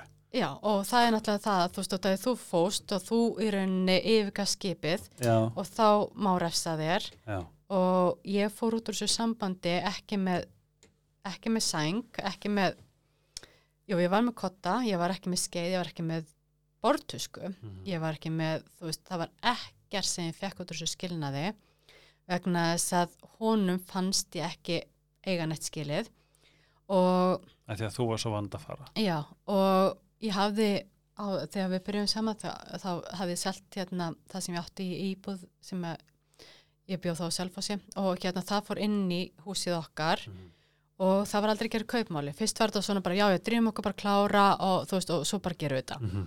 Svo bara, já, já, drifum að, þú veist, að flytta, flytta inn og svo bara var batnið að fæðast og svo bara þetta og næsta og næsta. Svo var þetta bara orðið þannig að samhliða því hversu mikið andlega og fjárháslega ofbeldið óks innan sambandsins. Mhm. því hrættari varstu vegna þess að viðbröðin við því að þú rættir þetta það var bara eitthvað refsing. Algjörlega. Og ekki endilega refsing á þau, heldur refsing á börnin. Mhm. þannig að með tímanum þá hætti ég að þóra að nefna þetta. Þannig ég var ekki með neitt kaupmála um það. Við vorum gift. Mhm. samt. En hann hafði samt að setja á egninni þá hann að fóra uppóð Sérst 100% já, og hérna við vorum í einbýlishúsi út á Altanesi og það var náttúrulega bara allt skráða hann, þú veist, ykkur bílar og, og ykkur mótjól og ykkur svona egnir, skiluru, Mhm. það var bara, þú veist, um áramótin þannig að þetta var í oktober 2015 um áramótin, þá var engin peningar inn á hérna bankabók og það er bara, þú veist, það var einhvern veginn allt komið hans megin. Og þannig að þú veist að fjárhagslega ofbeldi var algjört og hann sagði þetta, hann sagði bara í beinum orðum, ég átti skilabóðum allt Já, hann ætla bara að gera allt sem í sínu valdi stæði til þess að gera þess erfitt og umrætt og hann mögulega gæti Shit. þú veist, það, stendur bara byttu bara, byttu bara, mun, ég mun, ég skal þú veist, það er bara og, og það er í raun alveg sama þóttu sért með þetta allt saman og þennan gjörning í gangi það er engi sem getur hjálpað Nei. System er bara ekki, er bara gjörsamlega blind, já, gagvart þessi. og í þessum aðstæðum þá fer ég sátt að með fyrir síslumas að hérna, þar sem þú þarft að sko þeim tíma að mæta þínum ábeldismanni sem bæði við þú hefur aldrei getað rætt málum við heima vegna þess að það var bara of, of, ofhættulegt Einmitt. og þarna átt að fara að segja mér framtíðina það er sögna að skrifa í masterstyrreit gerum sátt að með fyrir síslumas Vá. og hérna og núna mætir auðvitað sikkur lægi en það er samt alveg styrlað Mhm. Að þurfa að vera í svona miklu samskiptum við Mhm. ofbeldismanniðin sem raunberi vitni í dag ég var enda mjög heppin þú veist, okkar barn var það gamalt að því að, að með, þú veist, þurftur henni ekki að vera í neinu samskiptum Mhm. en mikið af bara fólki með mun yngri börn eru bara að verða fyrir ofbeldi áfram út af því að það þurfa að vera þessi samskipti og líka sko það sem ég meira svo komið inn og bara á Instagram bara hvernig, þú veist, það er ótt það er svo hættulegt hvað systemi er blind ofbeldisfólki mm að því að að mínum að þið þá það er verið að senda ung börn til ofbeldismanns -hmm. og barnið er endilega ekkert undanskilið ofbeldi Nei, nei. Vegna þess að jafnvel þótt að barni verði ekki beint fyrir ofbeldi sjálft og, og flest börn verða vitni allan á ofbe- að andlega ofbeldi, -hmm. bara fílustjórnin einu sér. Að veist og það sem að allt andruslofti verður bara þygt og þrúandi og þú veist allir tepla á tánum og, og svo jafnvel allar þessar stýringar, þú getur mátt ekki koma með viniðina heim og, og þú veist það er kannski verið að, að öskraði hafa ógnar og, og reyðistjórn mm og þannig að þú veist að börnin verður það fyrir þessu ofbeldi? Já, þess vegna er svo galið að hlusta til dæmis á viðtölu eins og við Bryndísi Ásmunds Mm. Eddu. Og ég bara, veist, og einhvern veginn að það sé einhverjir talsmenn frá batnaðendanum til þess að meta, þú veist, þeir eru bara blindir á hvað þetta er, þú veist, ég bara veist, þetta er eitthvað sem bara ég, ég bara, ég næ ekki hausin utanum. Og það þarf að gera svo drastiska breytingar sem fyrst og það er engin sögur að fá frá batnaðendanum og þú veist, ég skil ekki hvernig við, þú veist, þessna þess, þú veist, þetta er bara ein, einna partur af okkur mér finnst svo mikilvægt að opna uh, augufóls af narsista ábyldisfólki, hvað sem við kalla þetta og, og einmitt bara mikilvægt fyrir hvert sem er að hlusta á eða, eða kynna sér hvað, þú veist, hvað þetta er að þegar mér þykir tilöksin gjörsamlega hræfileg ok, makinn komst út mm -hmm. en svo þarf þetta að senda batni Mhm. vikulega Mhm. Til aðilega sem að rústa þér. Einmitt. og ekki bara það heldur líka bara fólk með ofbeldisegðun heldur að framverðum að ofbeldisegðun þótt að þú hætti með þeim. Þannig að bæði ef þau hafa möguleika að tökka á þá munið þau beita þau ofbeldi áfram. En svo líka fá þau bara þú veist vegna þess að þessir aðilega vilja þjónustu annara þannig að þeir eru stökka ofta til mjög fljótt í önnur sambönd. Þannig að þeir skilja jafnvel eftir slóð af brotaþólum svo er þessi heita kartabla sem enginn einhvern veginn treysti sér í að svona nákvæmlega að hérna að festa hendur á. Og þar að leiðandi þú veist þá geta þeir ofta tíðum haldið þessari hegðun áfram svo lengi óarættir og nú talaðum um þetta í Karlkins hérna falli vegna þess að auðvitað náttúrulega bara eru 87 89% þeirra sem allan að leita til björgalíðar er að leita þangað út á ofbeldi sem karlar hafa beitt Mhm. og það er einhvern veginn líka maður fyrir að hugsa sko þú veist að að þú veist bara ljósið samfélagslegar umræðu þú veist hvað er frávikshæðun, hvað eru hérna gæðran vandamál og hvað er þú veist hvað myndu segja þú veist myndu segja þú veist að ef ábeldishæðun er ekki greind Mhm. til slík er hún þá bara samfélagslega samþygt þú Nákvæmlega. veist hva, hva, hvernig ætlum við að tekla þetta? Hvernig það nálgast það, svona ég skil ekki með hvernig bara, okkur er ekki allir starfsmenn barnaðendanemdar bara búin að fara í bara nám og námskeið eða eitthvað um hvað þetta er. Það hljóta að vera eitthvað það, það þarf ábyrðin þarf er gríðaleg Mhm. um, eitt sem að mér langar svo að spyrja, ég var hann bara að segja þetta upp á þetta gær ég satt náttúrulega er skildi allt eftir Mhm. þú veist, pakkaði ykkur tvær töskur og Mhm. hérna tók höndin og svo talaði ég við vinkomina sem er lögfræðingur og spurði og ég sagði bara við hana veist, ég skal leggja hérna 100 áskall ertu til að fara leiða bíl eða taxa eða eitthvað og ná í dótið mitt Mhm. Þetta, ég veit hvað ég veit hvað það er, hann hlýtur að vera búin að pakka sér eitthvað eða eitthvað þetta er bara, bara allt dótið mitt sem er upp á hálofti Mhm. og annað sem er í kjallara Mhm. það sem er í kjallara er allt pakkað í kassa skiplaslega og uppi svo svona líka Mhm. aðeins meira kaos en ég er bara svona, ég vil bara fá þetta ég vil ekki að þetta sé þarna Mhm. og ég ætla ekki að hafa samband við hann Nei. um, hún er eitthvað, já, ég skal gera það og, hérna, og spyr hann má ég koma að ná í dóta hans helga Mhm. Og svarið sem hún fær er hæ hæ, ég veit ekkert hvað hann á hérna sem er svo galin Mhm. tilöksun að hugsa við byggum tveir saman í átta ár Þannig að þú sem sagt allt sem hann á ekki þannig að þetta hlýtur að vera svolítið einfalt. já, Mhm. þetta var bara nákvæmlega sem ég sá í mann þegar hún sagði mér þetta hafi verið svarið ég fekk bara svona veistu þetta, þetta er döðið hlutir, ég ætla ekki að fara út í þetta Nei. Veist, en, en er þetta mitt bara klassist svar Þetta er ofta tíðum, þetta uh, sko, fólk með óbild segum þau, fara í, þú veist, þetta er svona nokkra svona, uh, hvað sem er, svona típur Já. og skaffarinn til dæmis, hann er mjög mikið í þessu að hérna, veist, að þeir, þeim finnst allt virði mm. vera þeirra virði. Einmitt. Þeir hafi skapað allt, þú þakkar aldrei nóg fyrir allt sem hann gefur þér. Mm. og mér finnst mjög áhugavert vegna þess að, að sko ég reynda fekk ekkert af innbúin okkar en, en þetta með fötin, mér finnst þetta svo áhugavert vegna þess að ég sótti það svolítið stíft Mm. að ég hugsaði bara, þú veist, þetta er fötin mín ég ætla Mhm. bara að fá þau Mm. og ég meiri þess að beitti mig fyrir þessu í sáttumæðferðin þetta bara einhvern veginn varða einhverju prinsip máli fyrir mig að fá þetta Mm. sem að var bara gekk mjög illa Mm. svo fyrir að hugsa hverju er þetta svona mikið mál fyrir hann Já. þú veist, jú, jú en þá með tímanum þá áttaði maður því að sko fyrstu jólun okkar þá byrjaði hann að gefa mig fatnað Mm. og hann valdi fatnað og gaf mér fatnað og ég man að þetta var svona pínur svona óþægilegt fyrir mig vegna þess að ég hef aldrei verið svona einhvern veginn í sviðsljósinu og verið svona eða þú veist, verið svona í spotlightinu Mm. frekar að ég þurfti bara svona einhvern veginn að máta strax og hann var svona geðvegt spenntur og bara snúa mig við og lappa fram og tilbaka og eitthvað svona Mm.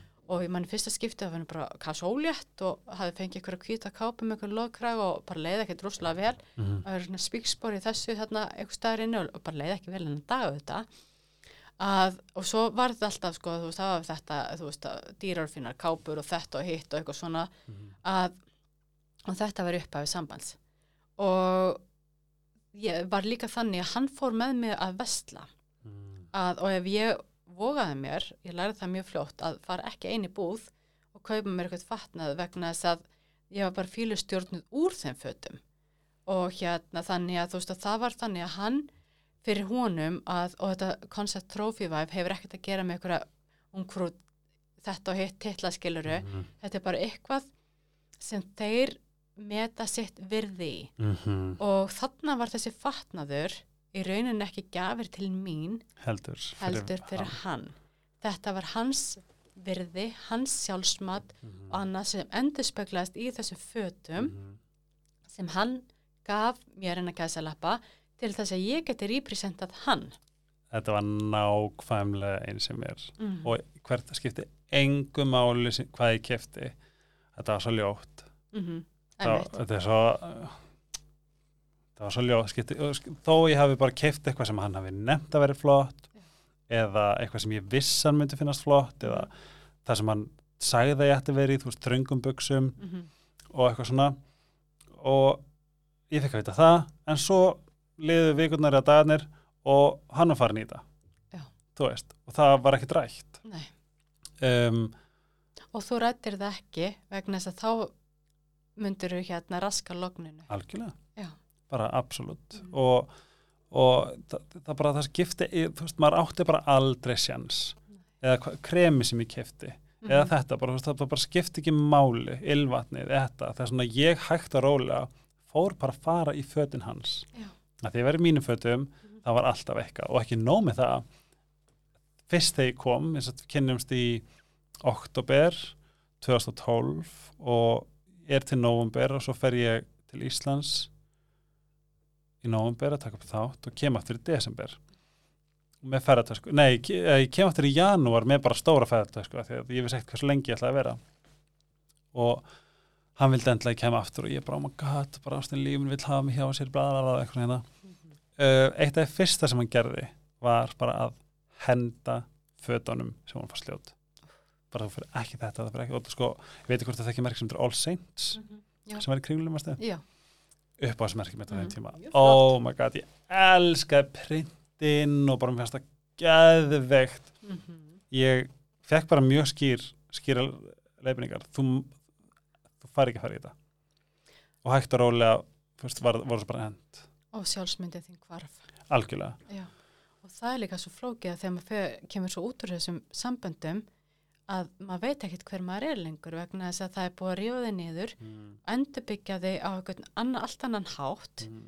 og þú veist, ég vissi ekki eins og hvað var uppáhalds maturum minn uppáhalds hérna, liturinn, nei, einmitt og hérna og bara hver ég var. Við ætlum að taka alls nokkað pási að því að pissa á mig. Við erum komin aftur. Og ég eins og þið vitið, þeir sem hafa hlustað á marga þætti, ég þarf aldrei að pissa í helgspilinu nema í dag pissublaðar, nei partiblaðaran sveik mig. Það ekki vist alls konar losun í dag, ha? Já, Bó, andlega og líkamleg. Já, er þetta ekki sexy spjall? þetta er bara, þetta er eðlilegt spjall. Já, vegna þess að við megum vera eins og við erum og Nákvæmlega. þóttu hafur ekki verið, þú veist, þurft þetta gera þetta áður, þá máttu gera það núna.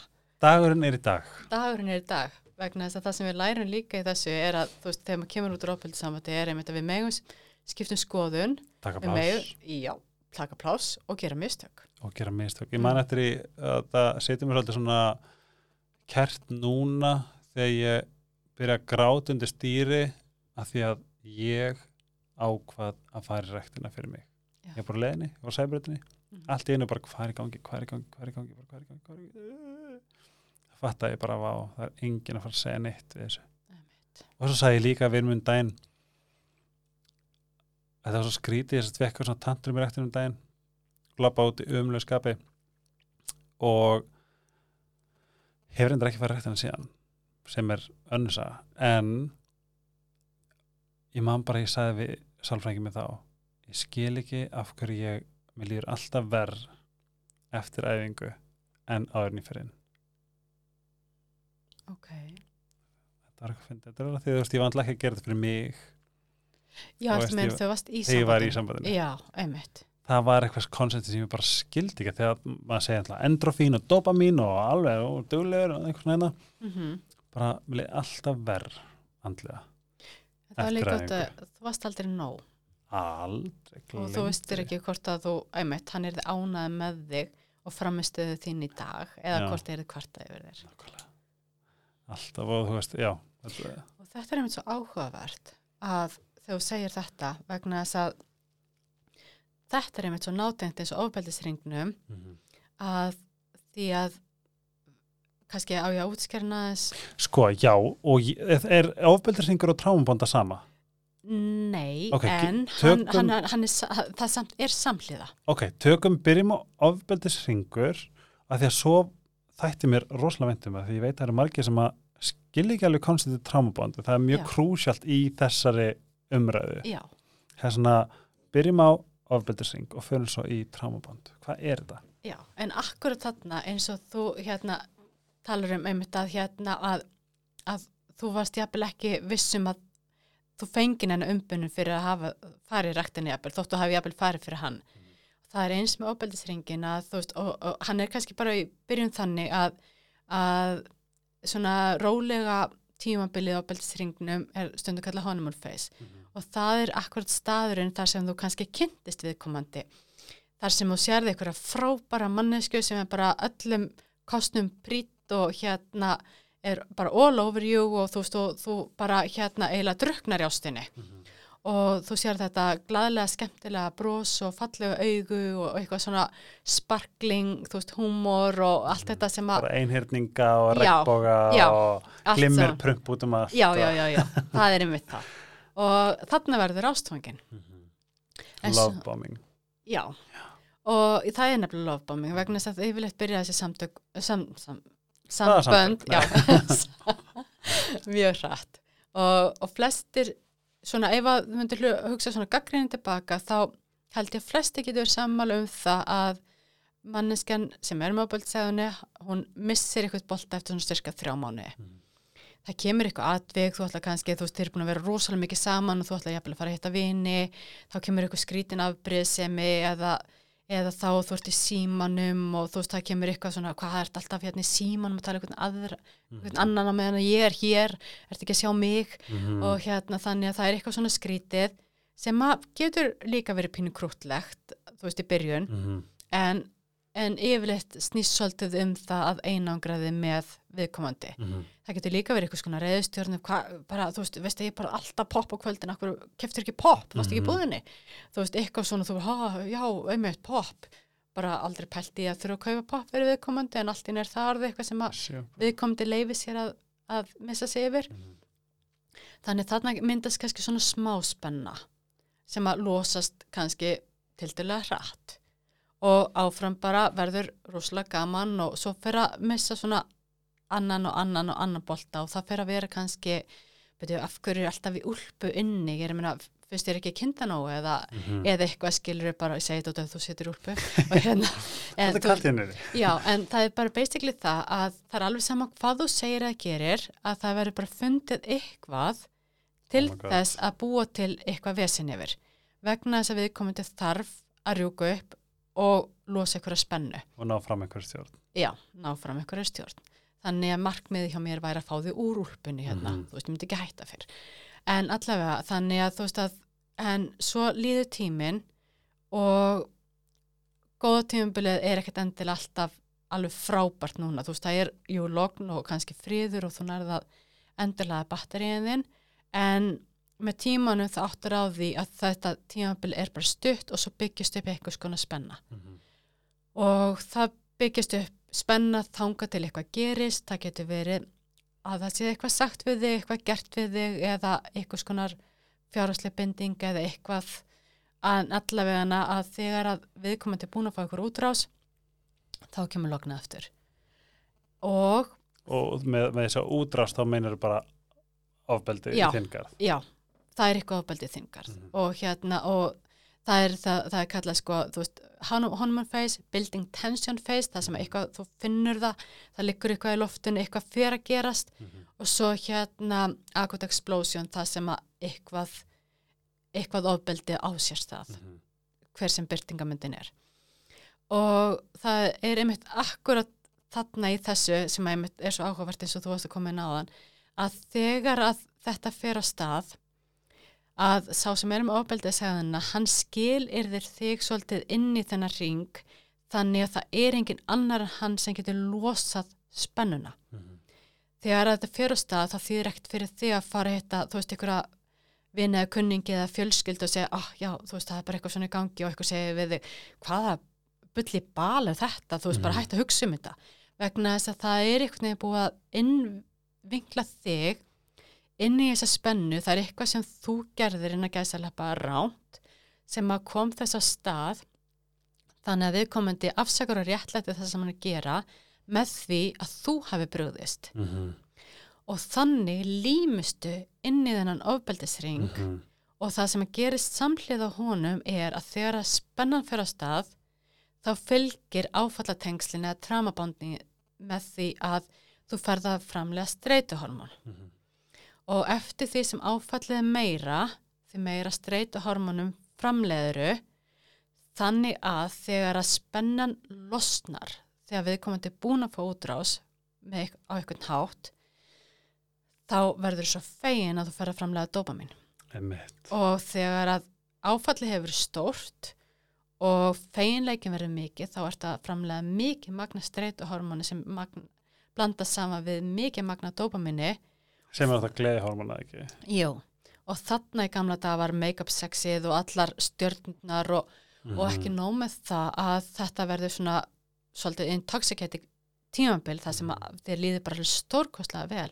Þú fær líka svolítið kraft og trú á sambandið Mhm. og um að viðkomandi því að þarna verður hann svo ótrúlega þú verður svo ótrúlega bjart sín eða bjart sín á framtíðin að þú ert tilbúin Mhm. í framaldið. Einmitt.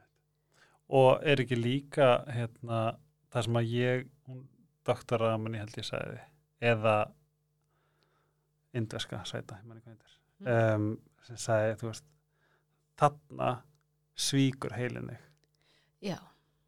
að því að hann alltaf flokkar Mm streituhormonið sem er held ég oxytocin ekki? Jú, ég, dopaminnið já, og fyrir sama flokk þú veist og þá veit, þá bara fer þá fer hann bara í klassu, bara byrju, já, er þetta ekki ást? Já, það er út, líka út af því að þegar að þú ert búin að verða fyrir opaldinu, þá ertu samþyktur aftur. Að það er búið að kenna þér um eitthvað, það er búið að refsa þér, svo ertu samþyktur. Einmitt. Að, að þá verður þú svo fegin, alveg eins og þegar þú fegst, þá ertu nóg já, þegar að veist, hann hættir að hafna þér og fer að meðtaka þig og þú upplifir það sem ást, að þá, einmitt, upplifir þetta samþyggi og þá upplifir það að þetta sé hinn eini rétti og þú veist og þú þurfur bara aðeins að vanda þig betur í samskiptunum og til þess að passa þig á því að þetta fari ekki svona úr böndunum aftur því að það er náttúrulega búið að kenna þér um þetta þannig að þetta hlýtur að vera þér að kenna Mhm. inn að kæsa lappa bara sannfærið um það. Já, búið sannfærið um það og þetta getur orðið svo frábært ef þú bara passar þig á því að setja ekki þess að dós hérna á borðið á þess að vera með diskamáttu Eða glasamáttu Mhm.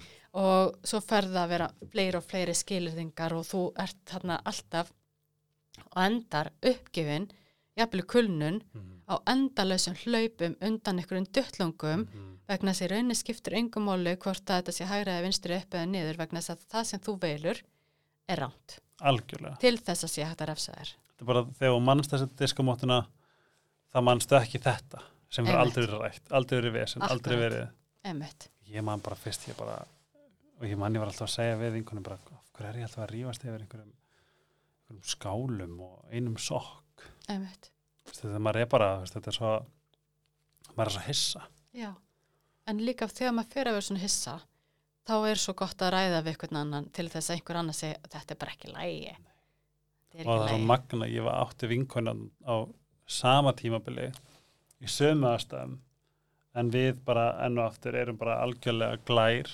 Já, vorum svo sannfær um að þetta væri að að þeir voru báði danir og að þeir voru báði týpurar þetta lítur að vera það.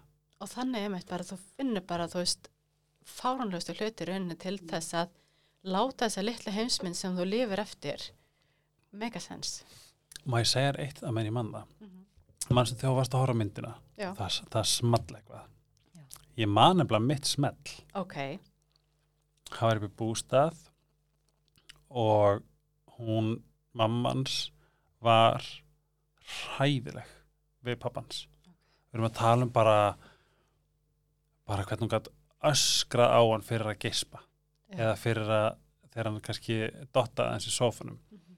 hann bara hann átti ekki sens indislegu maður Mhm. en gjörsamlega þetta er búin að gangi náttúrulega þeir eru búin að bara samfélagur og krakkar Já. um, og ég var svo hissa og ég var alltaf að segja hann en að standa uppi fyrir pappaðinum bara Mhm. come on. Hefur enga saman fyrir honum. Bara hvernig getur lyft þess að bara viðgangast? Mhm. og hann var bara það, og, og, og mamma hans var mjög heilög. Mhm. og hérna vorum í bústað og ég ákvað að telja. Ég sérst vakna við öskur Mhm. frá henni í garð pappans og ég er svona, já ok, hún er byrjuð og ég ákvað mig sjálfur mér ég ætla að telja hversu oft hún beiti hann andla ofbeld fyrir framann sinina og fyrir framann mig, Mhm. gestur þú veist og ég taldi tólf skipti þá hún ekki að telja þennan dag og þá hvort það hefur ég sem hugsaði þetta eða eins að það hefði einhvern veginn komist í gegnum e, t- bara skógin í haustum á mér og sagt bara þú ert hann, Mhm. þú ert pappin. Þú, þetta er þú Einmitt. þetta er sambandið þitt Já. og þegar það kom þá gerist eitthvað Frábært. og þá eitthvað neginn svona fór ég að og það, þetta var bara og ég var um að skoða myndir frá þess að ferð bara, það var allt bara að leita allt svo vel út það voru svo sæt, lalalala hvað svona hér og Mhm. ég var beðin um að fara í COVID-test fyrir ammali á vinkonum minni Ok. 2020 og þá var það staðfest, ég er búin að eiginleika ferðina ég er búin að eiginleika þetta allt ok líka hálfu þeirra og mm. ég, bara, og ég reyndi að eitthvað standa með sjálfum mér og bara ég bara tjekka fyrir vini mína Já. eitthvað svona, það var, það var ekki nóg svona, ég man að þetta var og að því að við eigum það samild að við vorum ekki beitt líkamlega ofbeldi þannig Einmitt. eina skiptið og þarna vissi ég svona ekki hvað það var nema það að vinkona mín var nýbúna hennar fyrirandi sem að gjörsanlega fokka henni upp sem að er algjör ofbeldismæður hann er svona úlfur í, í, í söðskeri segskeri hún sagði að ég var að fatta hann er hann er bara hann er, hann er, hann er með þess að tikkar í öll box yfir narsista. Mm. og og ég eitthvað svona narsist, hvað er það? ég veit ekkert, ekkert hvað það er eitthvað svona, hún taldi upp og var, svona, hún var í mjög miklu áfalli og var hann mér frá þessu. Mm. og ég eitthvað svona, já, ég tengi kannski svolítið bara við eitthvað en æ, veist, hann, hann er nú valla narsisisti, hann er kannski bara með einhverja hegðun. Mm. og ég sæði við hann á leiðinni á einmitt retreat-hóteli eins og ég á hann voru endur ekki að taka upp. En ég sagði ég heldur sért með narsíska hefðun Mm. og það var eina skipti sem ég undibjó mig eiginlega tilbúin já, að myndi berja mig. Já. Og ég, það var einhver partur af mig sem að vonaðist þess að myndi gera ég veit að vegna að- að kem, kemist út Já, og það er einmitt svo áhugavert að einmitt að fólk oft hugsar að svo lengi sem að þú verður ekki fyrir líkamlega ofbeldi, þá er ert- þetta ekki sambandi nei, en, en sem er svo magnað vegna þess að hvað andlega ofbeldið mm -hmm. hefur langvarandi alvarlegar afleðingar, Mhm. þú veist, þetta breytir sjálfsmyndinni, þetta, það er bara allt sem að þú ert hverfur oft á tíum Mm -hmm. Og það er búið að telja trúum að þú sért jafnvel, þú veist, bæði vanhæf móðir, þú sért vanhæf eiginkona eða Mhm. eiginmaður og þú veist, eða einmitt vanhæfi faðir eða hvað sem það er og þú veist, og það er verið að telja trúum að þú getur ekki lært, það er verið að telja trúum að þú standið ekki í vinnu, Mm að þú veist, að þú sért jafnvel geðveikur og klikkaður og Mhm. þú veist, og þú heldur það jafnvel lengi og þú eru ekki að vera samskiptum við fólk og þú vilt ekki að aðrir taka eftir hvað þú sért í rauninu geðveikur og klikkaður en að geða wow. Glettu þú þessu? ekki geðveikur og klikkaður vegna þess að það hefði ekki samræmst hans hugmyndafræðu um Já. vegna þess að það myndi láta hann lítið út. Mm -hmm. Þannig að þú veist að það er nefnilega, þú veist að þessar típur eru aðeins mismunandi. Algjörlega Mm Ég fekk alltaf hvað hva myndi mamma einn segja um þig núna Já, það því hann vissi að það myndi segja mér mest sko. já. En og það já, er nefnilega akkurat málið að þær finna, veikasta punkt já, að segja jafnvel við nýbakaða móðir bara af hverju grætu barnið svona mikið heldur, þú veist, ertu góð móðir? mm -hmm. Barninu verðist líka bara illa við þig. Mm -hmm. sem er það sárast og erfista sem ykkur sem að er að vera fóreldri fyrsta skipti geti heyrt en þetta er gert til þess að grafa undan Mhm. og eða þá einhver sem er í námi þú veist bara já, vá, geggja hjá þér en þú veist líka bara svolítið hérna að setja alltaf mig hérna heima þú veist en, en þú verður náttúrulega bara eitthvað snabbaður hérna fræðingur og, og einsleðilega bara og mögulega getur verið einmitt þú veist að það er alltaf, þú veist, og ef þú farið eitthvað flotta stöðu, bara já, geggjaði þú sko, en vá, hver er að sjá um allt hérna meðan þú ert hérna í einhverjum dyrða Mhm. ljóma, láta alla klappa fyrir þér, mm -hmm. æ, fattar mig, þú veist, það er alltaf þessi brottur og alltaf einhvern veginn að láta þið vera, leifar aldrei að skína. þegar ég kom alltaf með svona ég var alltaf að reyna að finna finna ráð og svona hvernig getum við lagað þetta og fór alltaf einn í sambandsmeðferð og Mm einn í sálfræðings og Já, einn í gæðlæknis og bara alltaf. En þá og kom, verið reynda að koma með skýrök og þá sann alltaf hætti að vera svona fokkin heilagar og ég nenni ekki að heyra þetta. Þú veist, þá er gert lítið út í eitthvað, ó já, nei, ok, ekki, eitthvað svona. Einmitt, og eða þá bara um þess að allir sálfræðingar og sambandsmeðferðar aðilar séu klikkaðir. herðu, oh my god. Ég var að segja þetta við rögg og ég að segja þetta svolítið magnað? Ég var í Róm, við vorum í Róm. Ok, fórum alltaf ammælisferðir Já. og það stoppar hún er hvort hann að vera að lesa tarot eða hendur eða eitthvað, hún var einhver svona galdrakona ok, einhver spákona. Og hún gerir svona, hvað, hvað, hvernig get ég líst þessu?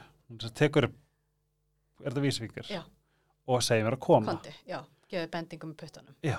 og ég eitthvað svona hvað, hvað er það að selja mér eitthvað og, og ég get ekki muna hvort hún hafi verið með spil eða hafi skoðað hendina á mér eða eitthvað.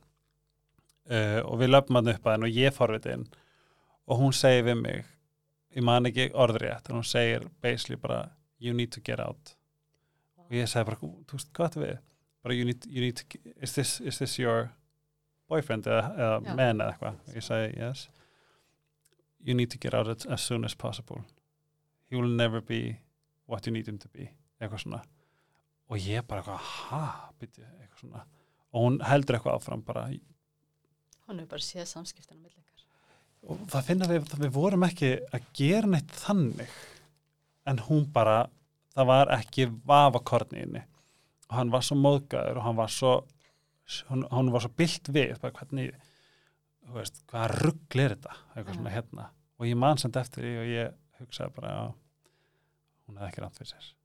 Nei. Og ennþá það í dag. Og það er líka bara öruglega hvernig, þú veist, líkamstjáningin þín hefur verið já, við hliðin á já, honum velur að veist, ég man alveg eftir að fólk spurði mig stundum, þú veist, ekki margir er, bara, er alltaf lægi hjá ykkur og mér finnst þetta alltaf svo skrítið spurning og ég held bara, já, já, þetta er fín þetta er gegn hann er bestur.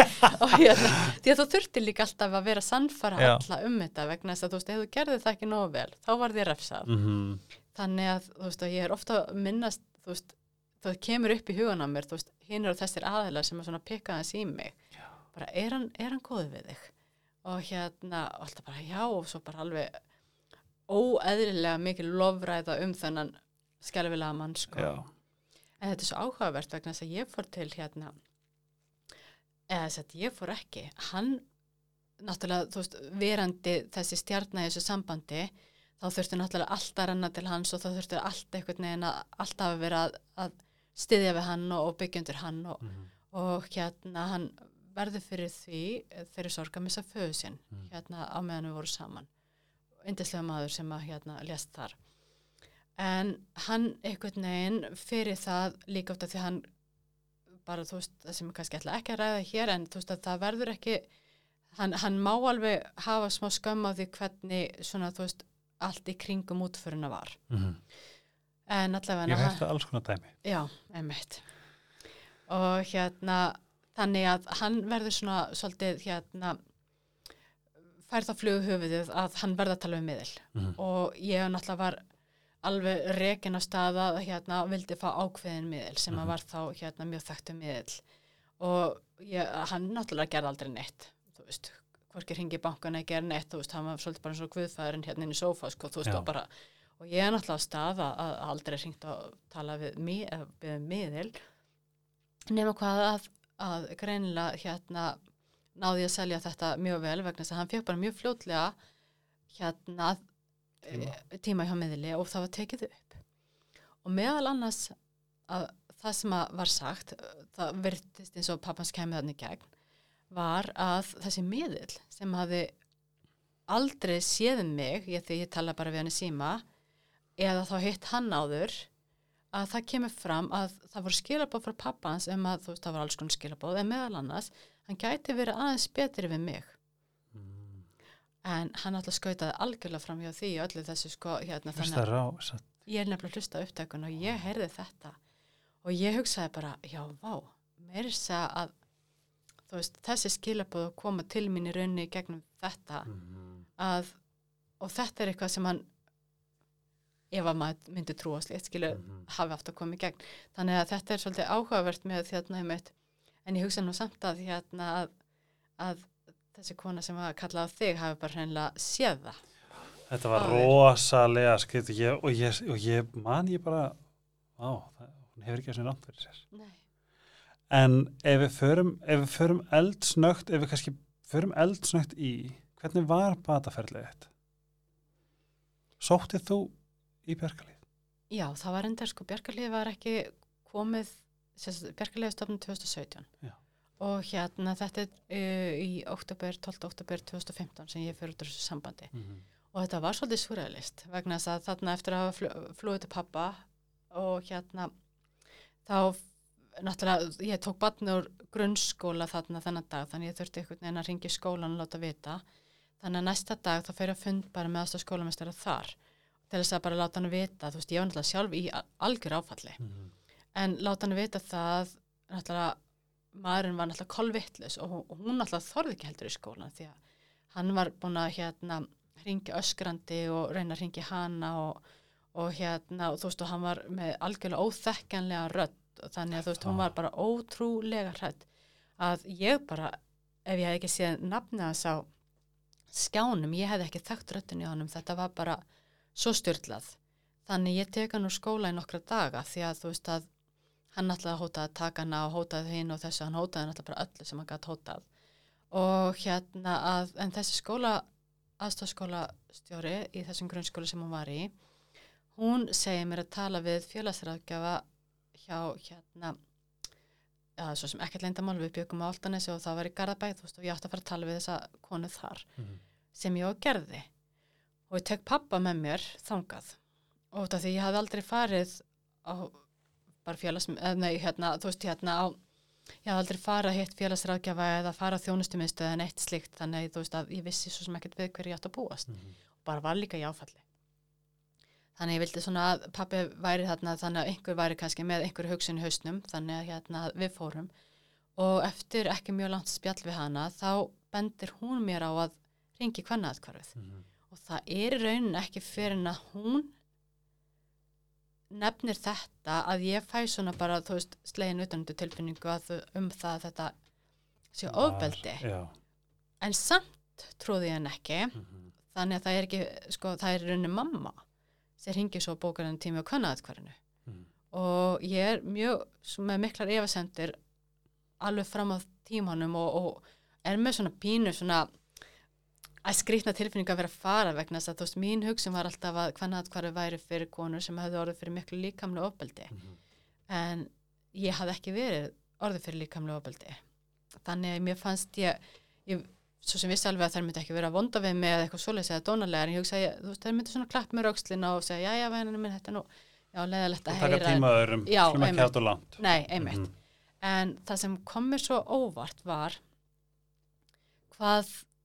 ráðgjafin minn sem að tók á móti mér, hún hildur hvað einhvern veginn hún verði skilja allt sem ég var að segja og var jafnvel á undanstundum með hugsununa mína Mhm. og hvað einhvern veginn og það var eiginlega bara svolítið áfall í rauninni hvað hún vissi miklu betur en ég hvað var að gerast Mhm. Þannig að þarna í gegnum bara mörg skipti náttúrulega, fór mörg skipti, fekk ég þessa staðfestingu á því að hvað þetta var í rauninu mikið ofbeldi. Mhm. Og það var alveg erfitt í rauninni og þú veist ég upplýði náttúrulega gríðalega skömmgakvart börnunum minnum og gríðalega skömmgakvart þessum tíma sem hafi farið í þetta en svo sama skapið þú veist þá veit ég þannig að þetta í dag að, að þú gerir ekkert annað í ofbeldissambandi en að lifa af Mhm. frá degi til dags Nákvæmlega. því að það er svo mikil vinna að vera í þessu sambandi að það kemst ekkert annað að fyrir utan það þú ert orðin fullkomlega einangraður ofta tíðum Mhm. þannig að það takast á þessu skömm og hérna og fara svo einmitt að reyna að fara í gegnum skilnað og sáttameðferð og, og reyna að berjast ykkur um fjáru egnaskiptum sem að náttúrulega var hafði ekkert upp á sig skiluru Mhm. Og finna allt þetta kerfi svona gössamlega máttlust Mhm. í kringu þig og svo einhvern veginn að þurfa svo bara að sætta þig við þetta skip bæði þetta andlega og svo fjáraslega og félagslega skipsbrot sem þú varst fyrir Mhm. því að þá náttúrulega bæði já og það sem að kannski ekki mikið er talað um en þú veist við svona fjárhagslegt ofbeldi það er gríðalegt félagslegt auðmagt sem er tekið af þér Mhm. Að í þeim skilningi að þú veist að þú átt kannski ekki samleið lengur með kannski samfélagfólkinu þínu vegna þess að allt í einu ertu bara komin á allt annað stað. Mhm. og ég upplýði þetta líka bara þú veist að ég náttúrulega bara átti ekki bíl á þessum tíma vegna þess að þú veist að það var ekkert sem ég fekk og svo voru bræðið minni sem keftu fyrir mig sko þú veist og ég borgaði svo tilbaka. Hérna gamlan indislega skót Ótofíu og hérna að en svo þú veist að fara svo heimsækja eitthvað, þú veist í Garðabænu skiluru og leggja við hliðin á þú veist bensinu þeirra eða, já. já, eða eitthvað. Þannig að þú veist að, að ekki það þú veist að það er, maður er að tala um stjættaskiptingu eða eitthvað svoleiðis heldur bara að verandi orðin miðaldra, þú veist, kona búin að vinna í þetta langan tíma þá einhvern veginn þú veist, það sem þú varst búin að byggja upp það var alltaf tekið. og, og þannig að þú veist að ég held að, að þetta er oft líka ákveðin skömm sem að margir tala ekkert um. Mhm. að, að, og þetta er nákvæmlega það sem hann vissi að hann var að taka að mér. Og var alveg búin að undirbúa hann myndi taka þér já, ef að skildi koma því að myndir. Algjörlega, figure him out. Akkurat. Þannig að þetta er emmitt að já ég veit ekki hvort ég svari nógu vel spurningunni. Algjörlega, ég mann ekki eins og hvað spurningi var. Ég er svo, ég er svo með sem ekki aðeinsprest en þetta var, þetta er, þetta, er, þetta, jú, er já, ferlið, já, ferli, bataferli. En bataferli var kannski fyrst og fremst það að mér var trúað. Nákvæmlega. það er bara það er, það er, ég er ekki að djóka en þetta í dag er krónískur kvíði að mér sé ekki trúa þess vegna Já. á ég svo til að efa býtu, er, ég, er, er, er, er þetta bara tilbúningar Mm -hmm. var ég að overreacta skilju, af því að þetta er, þetta er svona þú veist að maður er að ég þarf að vera viss Mhm. þú veist, eitthvað svona, þetta er svona mér finnst það algjör agoni að stundum að bara þegar þessi fluga kemur í mér, ég bara þú veist, þetta, þetta er hálf sko lamandi Já, og það kemur meira sem fyrir hjá mér. Ég hugsa bara, var það svona slæm? emmi, Var það raunverulega svona? Þú veist, ó, vegna þess að þú veist, með tímanum þó hefur maður tilneingu til þess að maður vill gleyma þessu slæma. Mhm, En það var svo gott að, þú veist, út að ég puntaði niður mjög mikið, mhm. Að fara bara aðeins í punktana og segja bara, uff, já, þetta var reynda verra heldur en það sem ég einmitt myndi. by the way ég læt alla vita að hann byrjum að taka upp. Já, ef ég gespa þá er það ekki að því að, að, því að mér leiðist. Þetta er bara þetta er bara þessi, það er rosalega rólegt og róandi hérna inni. Já, svona dauf, guð lýsing. Þú veist bara því en hérna hvenær þú veist þess að núna bara ef ég miða við bara þú veist hvað þú hefur verið krúsjál. Spila krúsjál einhvern veginn part af mínum bata og svona þína leifinningar og, og í rauninu bara hvernig þú sér mig. Það er svo magna hvað það er powerful. Varst þú með eins og svona ráðgjafa eða leifinandi sem þú gast leita til og þurftur að, þú veist, fórst í gegnum eða veist, hvernig fórst í gegnum í rauninni svona þetta þess að svona að, að, að tvístraði saman upp á nýtt sem, sem einstaklingur og, og hvað öðlaðistu? Ég held að fyrir mér að bara eftir að hafa farið gegn sáttamöðferðina þá ákvæði, þá þráttur ég var ekki byrja með snáminu þá að þú veist ég ætlaði kynjafræði og ég ætlaði að skrifa þessa reitgerð og ég fann bara svo mikið stuðning, ég hafði náttúrulega þarna ráðgjafa minn nýri hérna sem ég var lengi hjá og svo fjekk ég líka, þú veist, mjög fljótt að taka þátt í alls konar verkefnum þú veist, sem tengdust hérna hvernandkvarfi einn eða annan hátt. Já, þannig að ég fekk mjög fljótt að, þú veist, að vera partur að, að orðræðinu taka þátt í þessu og, og þú veist og fá einhvern veginn að þú veist ég fekk að segja mína sögu. Mm og fyrir mér var það mjög mikilvægt vegna þess að fyrir mér og, veist, og þetta var líka pínu erfitt vegna þess að hann, hann virkilega beitti öll börnin mín ofbeldi líka dóttu sína Mhm. en á öðru sér hátt með hana þannig að ég upplýði svo mikið að eldri tvei börnin vegna þess að þau voru alltaf í eldlinni þannig ég var alltaf einhvern veginn að reyna að verja þau en áttaði mig samt ekki á því hvað bara yngsta barnið bjó í skadalegu umhverfi Mhm. bjó náttúrulega með þessum, þú veist, inn í öllu þessum aðstæðum. Þannig að þegar ég kem fram í fyrsta skipti og það er í alveg stóru söfnunarþætti fyrir kvennaðkvarfið, að það já, að það var alveg mjög stór ákvarðan því ég upplýði pínlitið að eins mikið að ég vildi standa með þessum tveimur eldri börnum og sína fram á það að allt sem gerðist var ránt, þá upplýði ég líka að ég væri kannski að að gera eitthvað á hlut yngstu dóttur minnar sem að áttu þennan pappa.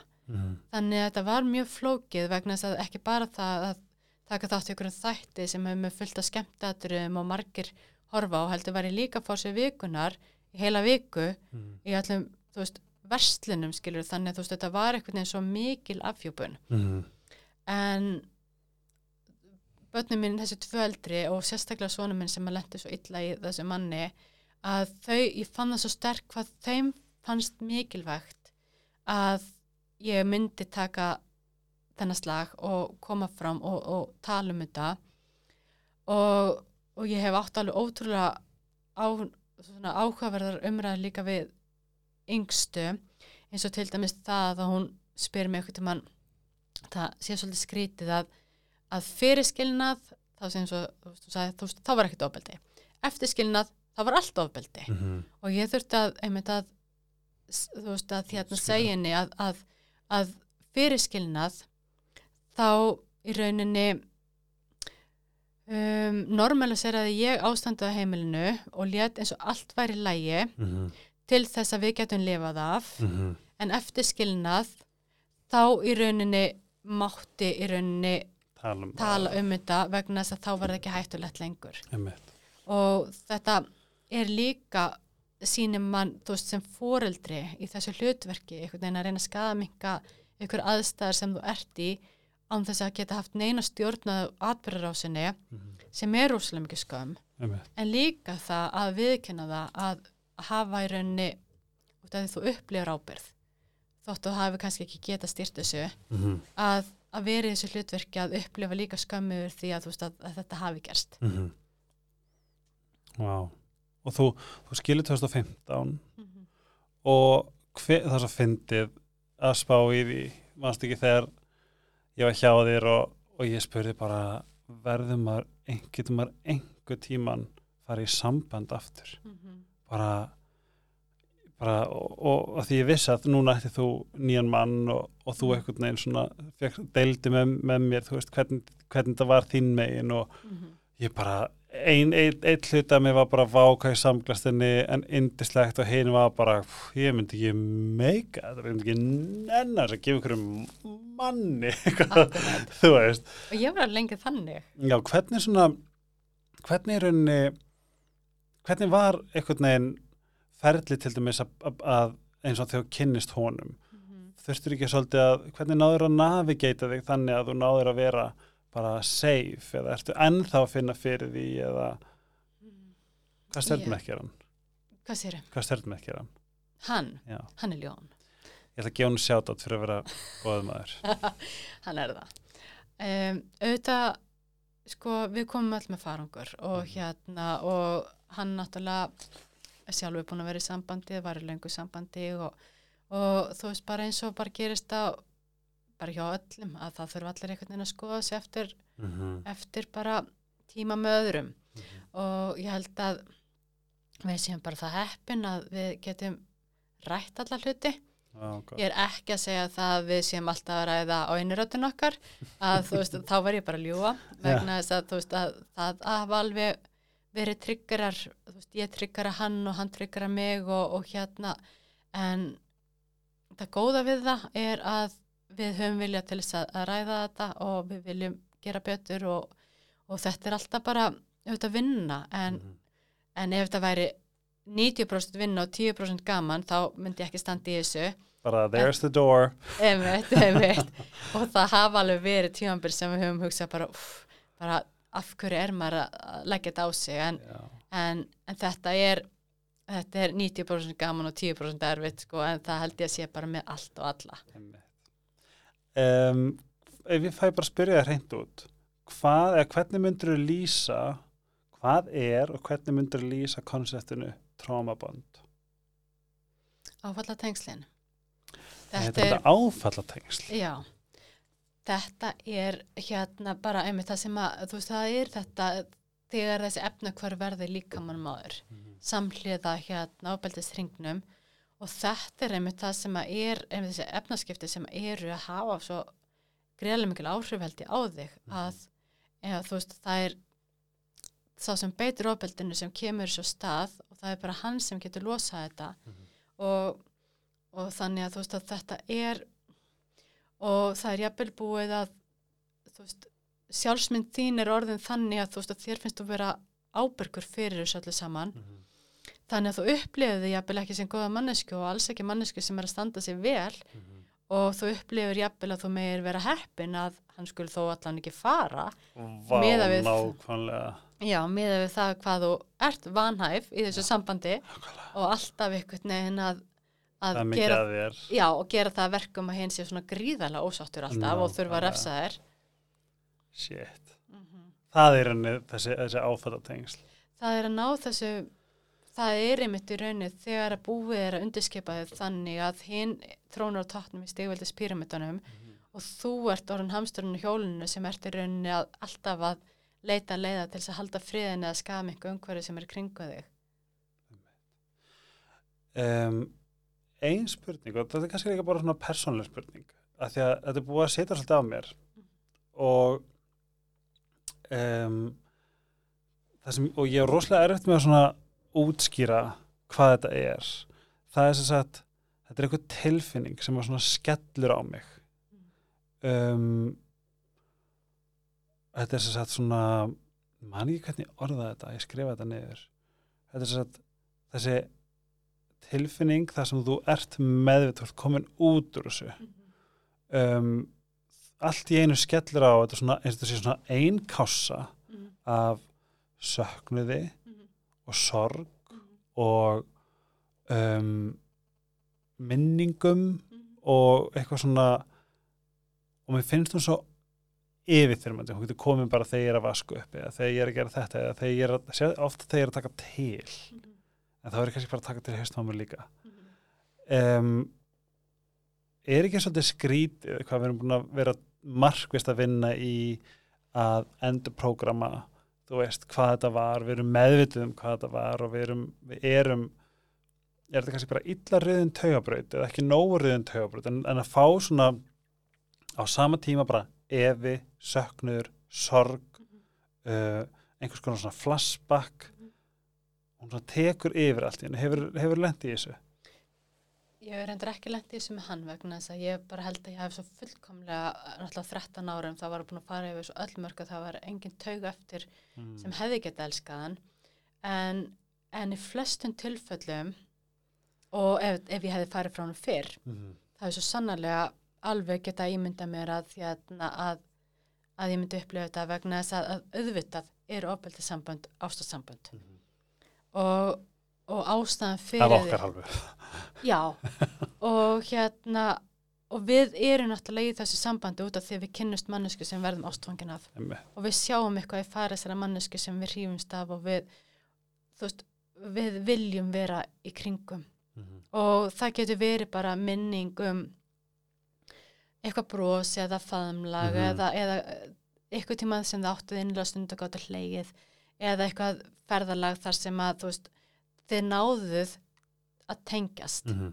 og það eru auðvitað minningarna sem viljum líka oftast halda í, það eru svo góðu minningar Mhm. og þess vegna gleymum við oft þessu slæmu Mhm. en við megum aldrei gleyma því að það flóknasta við ofbeldissambandi er að það eru ástasamband og, og þú ert jafnvel búin að tekna framtíðina með þessum aðeila og þú, veist, þú ert búin að ímynda þér hvað þið ætla að gera eftir tvö ár, fimm ára, tíu ár og, Mhm. og hvað þið ætla að búa og hvernig bíl þið ætla að eiga og þú veist og hvernig þú veist, þið ætla að eldast saman og þú veist, það eru mörg kannski svolítið samtöl búin að eiga sér stað og allt inn er þetta allt saman tekið og, og þú upplifur jafnvel að út af því að það er búið að kenna þér um allt sem gerðist þú upplifur kannski að þú hafi mistið þetta út af því að þú hafur ekki reynd Einmitt. eða þú hafur ekki lagt nóg mikið á þig eða eitthvað svoleiðis. Já, kannski líka eitthvað svona hann er svona út af þér eitthvað svona þetta, þetta, er allt, þetta er allt út af þér Já, en og það er nefnilega þannig að það eru auðvitað að vera að kenna þér um að allt, þú veist, ég þarf að berja borðið að hækka röddina út af því að þú skilur Mhm. ekki eða þú þetta og hitt.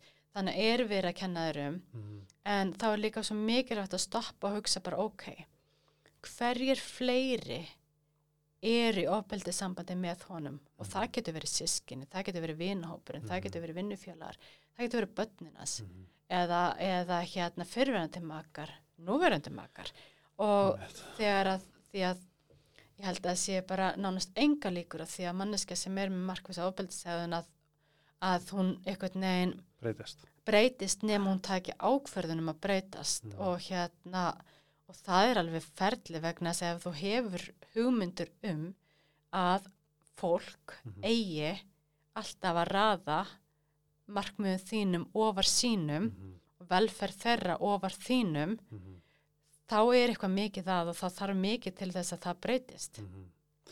Ég held bara það sem hefur verið svolítið mín bölvun innan þessa er hvað ég, þú veist, ofan á það að reyna að lifa, eitt, þú veist, lifa hvern einasta daga af og svona. Það var alltaf hvað ég var með svo innilega mikla von. Þú veist, það var svona vonarinni, þú veist, að því, ég, og enn þetta í dag, þú veist, að hann er samt, þú veist, þetta var fallegasti litli strákur sem ég séð Já. bara ég skoði barnamyndir hans og ég bara svona vá, þú ert bara þú ert bara það fallega sem ég séð Mhm. og ég held að mér líði eins og ég sá hann strákin og svo hugmyndina er það góði í honum þegar hann var góður. Og þegar ég hugsa um þennan part þá líður mér svolítið eins og sko eins og sé dáin þú veist.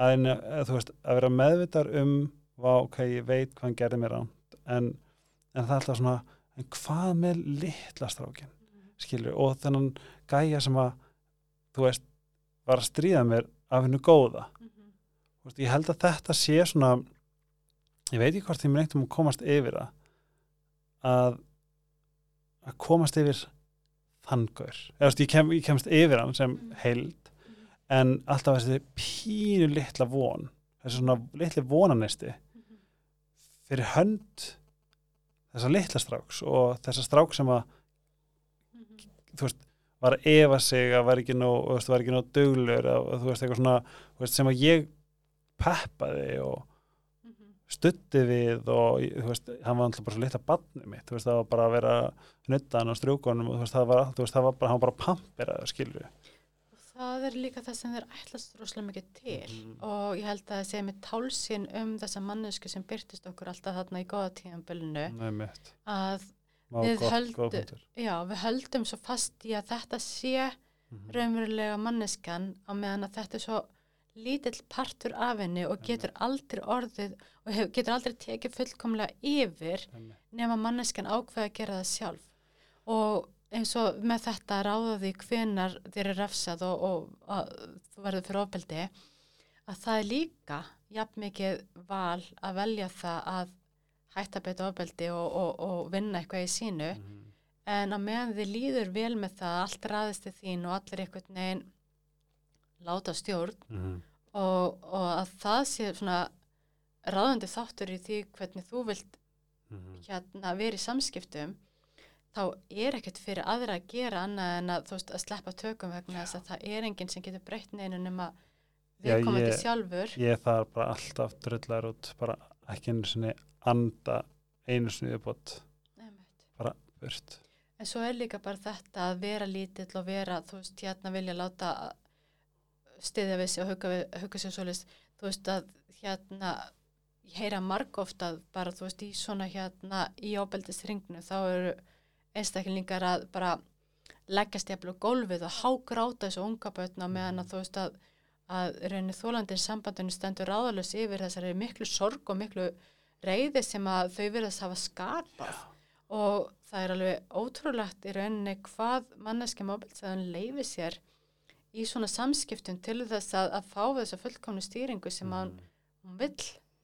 nefnilega fullkomna stýring þetta er svona, að að núna veit ég mér finnst ég bara svona ég, ég er ekki vafa þetta er allt kalkulerað skilur núna get ég, ef hann segir þetta þá veit ég af hverju, Já. ok, hann sendi þetta og ég veit að, það er svona það er alveg það, ég held bara hérna að bölvun okkar, kjarnan, þólenda er góðmennskun okkar og svona our empathy. Já, vegna þess að tveir aðalega móbilsæðun, þeir, þeir endast ekki lengi. Og hérna, og við myndum hugsa að tveir mjög hérna empathískir einstaklingar sem var alltaf að keppast við að, að, að hérna, auðsa hinnum hérna, gjöfum og, og lofum og annað, þú veist, það er því svolítið þreytandi kapplaup Já. og þannig að þú veist að til þess að ábældisamband virkar þá þarf einn af hvoru þarna, Mhm. þú veist, að einn stiðjandi og einn ríkjandi Já. og hérna og en, en náttúrulega bara hættulega við það er að þú veist að þessi sem að er í ráðandi stöðu, hann yfirleitt hættir ekki bara fyrir hinn er bara gjörsamlega búin á því og, jafnvel, og margir bara jafnvel enda í kulnun Já. Ég, ég, man, ég man bara, og þetta var einmitt líka, ég var upp í, það var bara annarkort ferri ég, eða það er eitthvað bara, ég mun bara deyja. Þú veist, þetta er svo, þetta er svo, þetta er svo mikið ástand, sko. og einmitt og þetta er svo áhugavert vegna þess að einmitt að út af því ég var náttúrulega búin að vera svo lengi í þessu sambandi var mjög, með, og komið mjög mikið líkamlega enginni Að það, já og hérna og Au- þetta ég- auðvitað, en þú veist, mjög mikið og hérna við varum með bólgur öllum sínum að liðum og með ennþá mjög stórar hérna bólgur víða og hérna var með mikið mikið hérna bara þú veist hérna spennu og hérna átti er, ég gæti ekki sofið og ef ég sopnaði þá vaknaði ég að upp bara byllandi ógleði og hérna og mikið rósröða að, var- já, og hérna sem samræðast nú ekki svona einhverju einhverju útliti sem að hún langaði að, hérna, að, mm, að, að, hérna, að, hérna, að hafa. En það var mjög mikil og ég með meiri sér sko þú veist ég hérna var hérna halvan sólaringa bráðamótökur rétt þarna í svona síðustu kannski árið sem að hérna við vorum saman og þurfti að leggja þennan spítali vegna þess að þau, vissi ekki, vissi ekki hvað var að. Og hérna hann náttúrulega heimsóttum ekkert þarna eða tekkað á mér eða ringdi eða neitt en var svo rosalega gladur þegar ég kom heim vegna þess að það er svo slæmt fyrir hann mm, eða væri eitthvað að mér. Og þá að hugsa að og ein af svona hugsunum sem ég hugsaði áður en ég skildi var tvær. Það var það að ég fekk ekki vera svo mamma sem ég vildi samt að ég þráð það vegna þess að ég svona hefði viljað gera betur heldur en það sem að þú veist ég upplýði þegar ég var hérna þú veist bara sjálf þú veist að ég vildi veita börnunum minni mikið öryggi. Og það gæti ég ekki gert.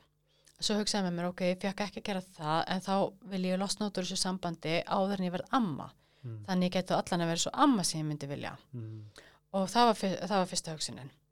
Hinn hugsunin var svo að ef ég erði veik ef ég erði bara lífshættulega veik sem bara svo að ég fengi krabbamenn Mhm. sem að ég fengi að vita það að það mun ekki það mun ekki vera hægt að laga það. Mm, þá hugsaði með mér, ég fengi ekki einu að deyja án þess að vera með börni mín vegna þess að hann hjælt þeim í svo mikill fjarlægð þau voru útlöku frá heimilinu.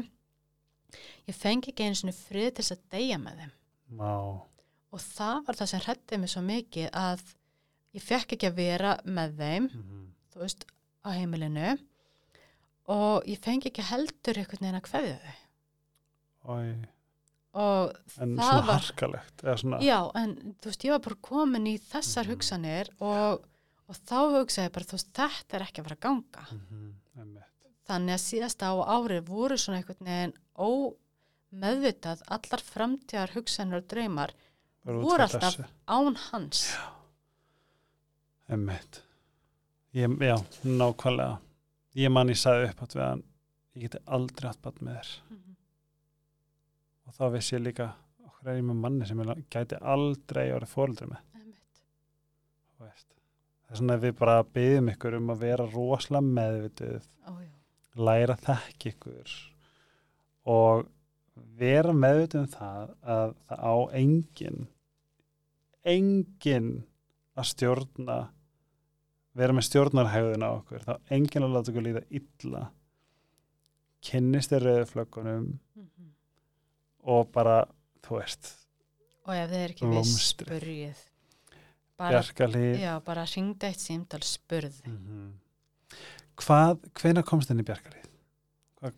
Sko, þegar ég, um, ég fór að vinna hjá kvennatkarnu í afleysingum samhliða mastersnámi og reyndar 100% annari vinnu að hérna, það var líklega hérna 2017 Mm.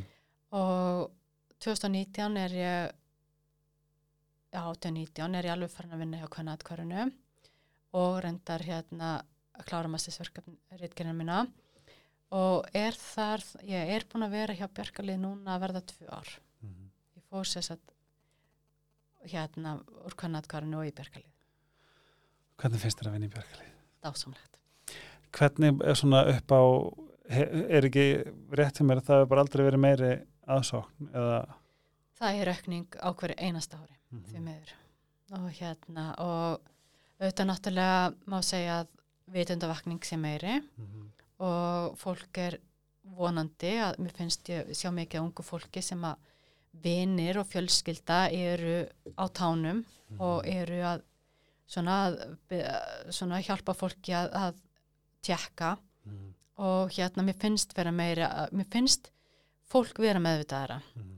þannig það er kannski hérna ákveð svona merki sem maður getur hugsað að kannski rekning út af því.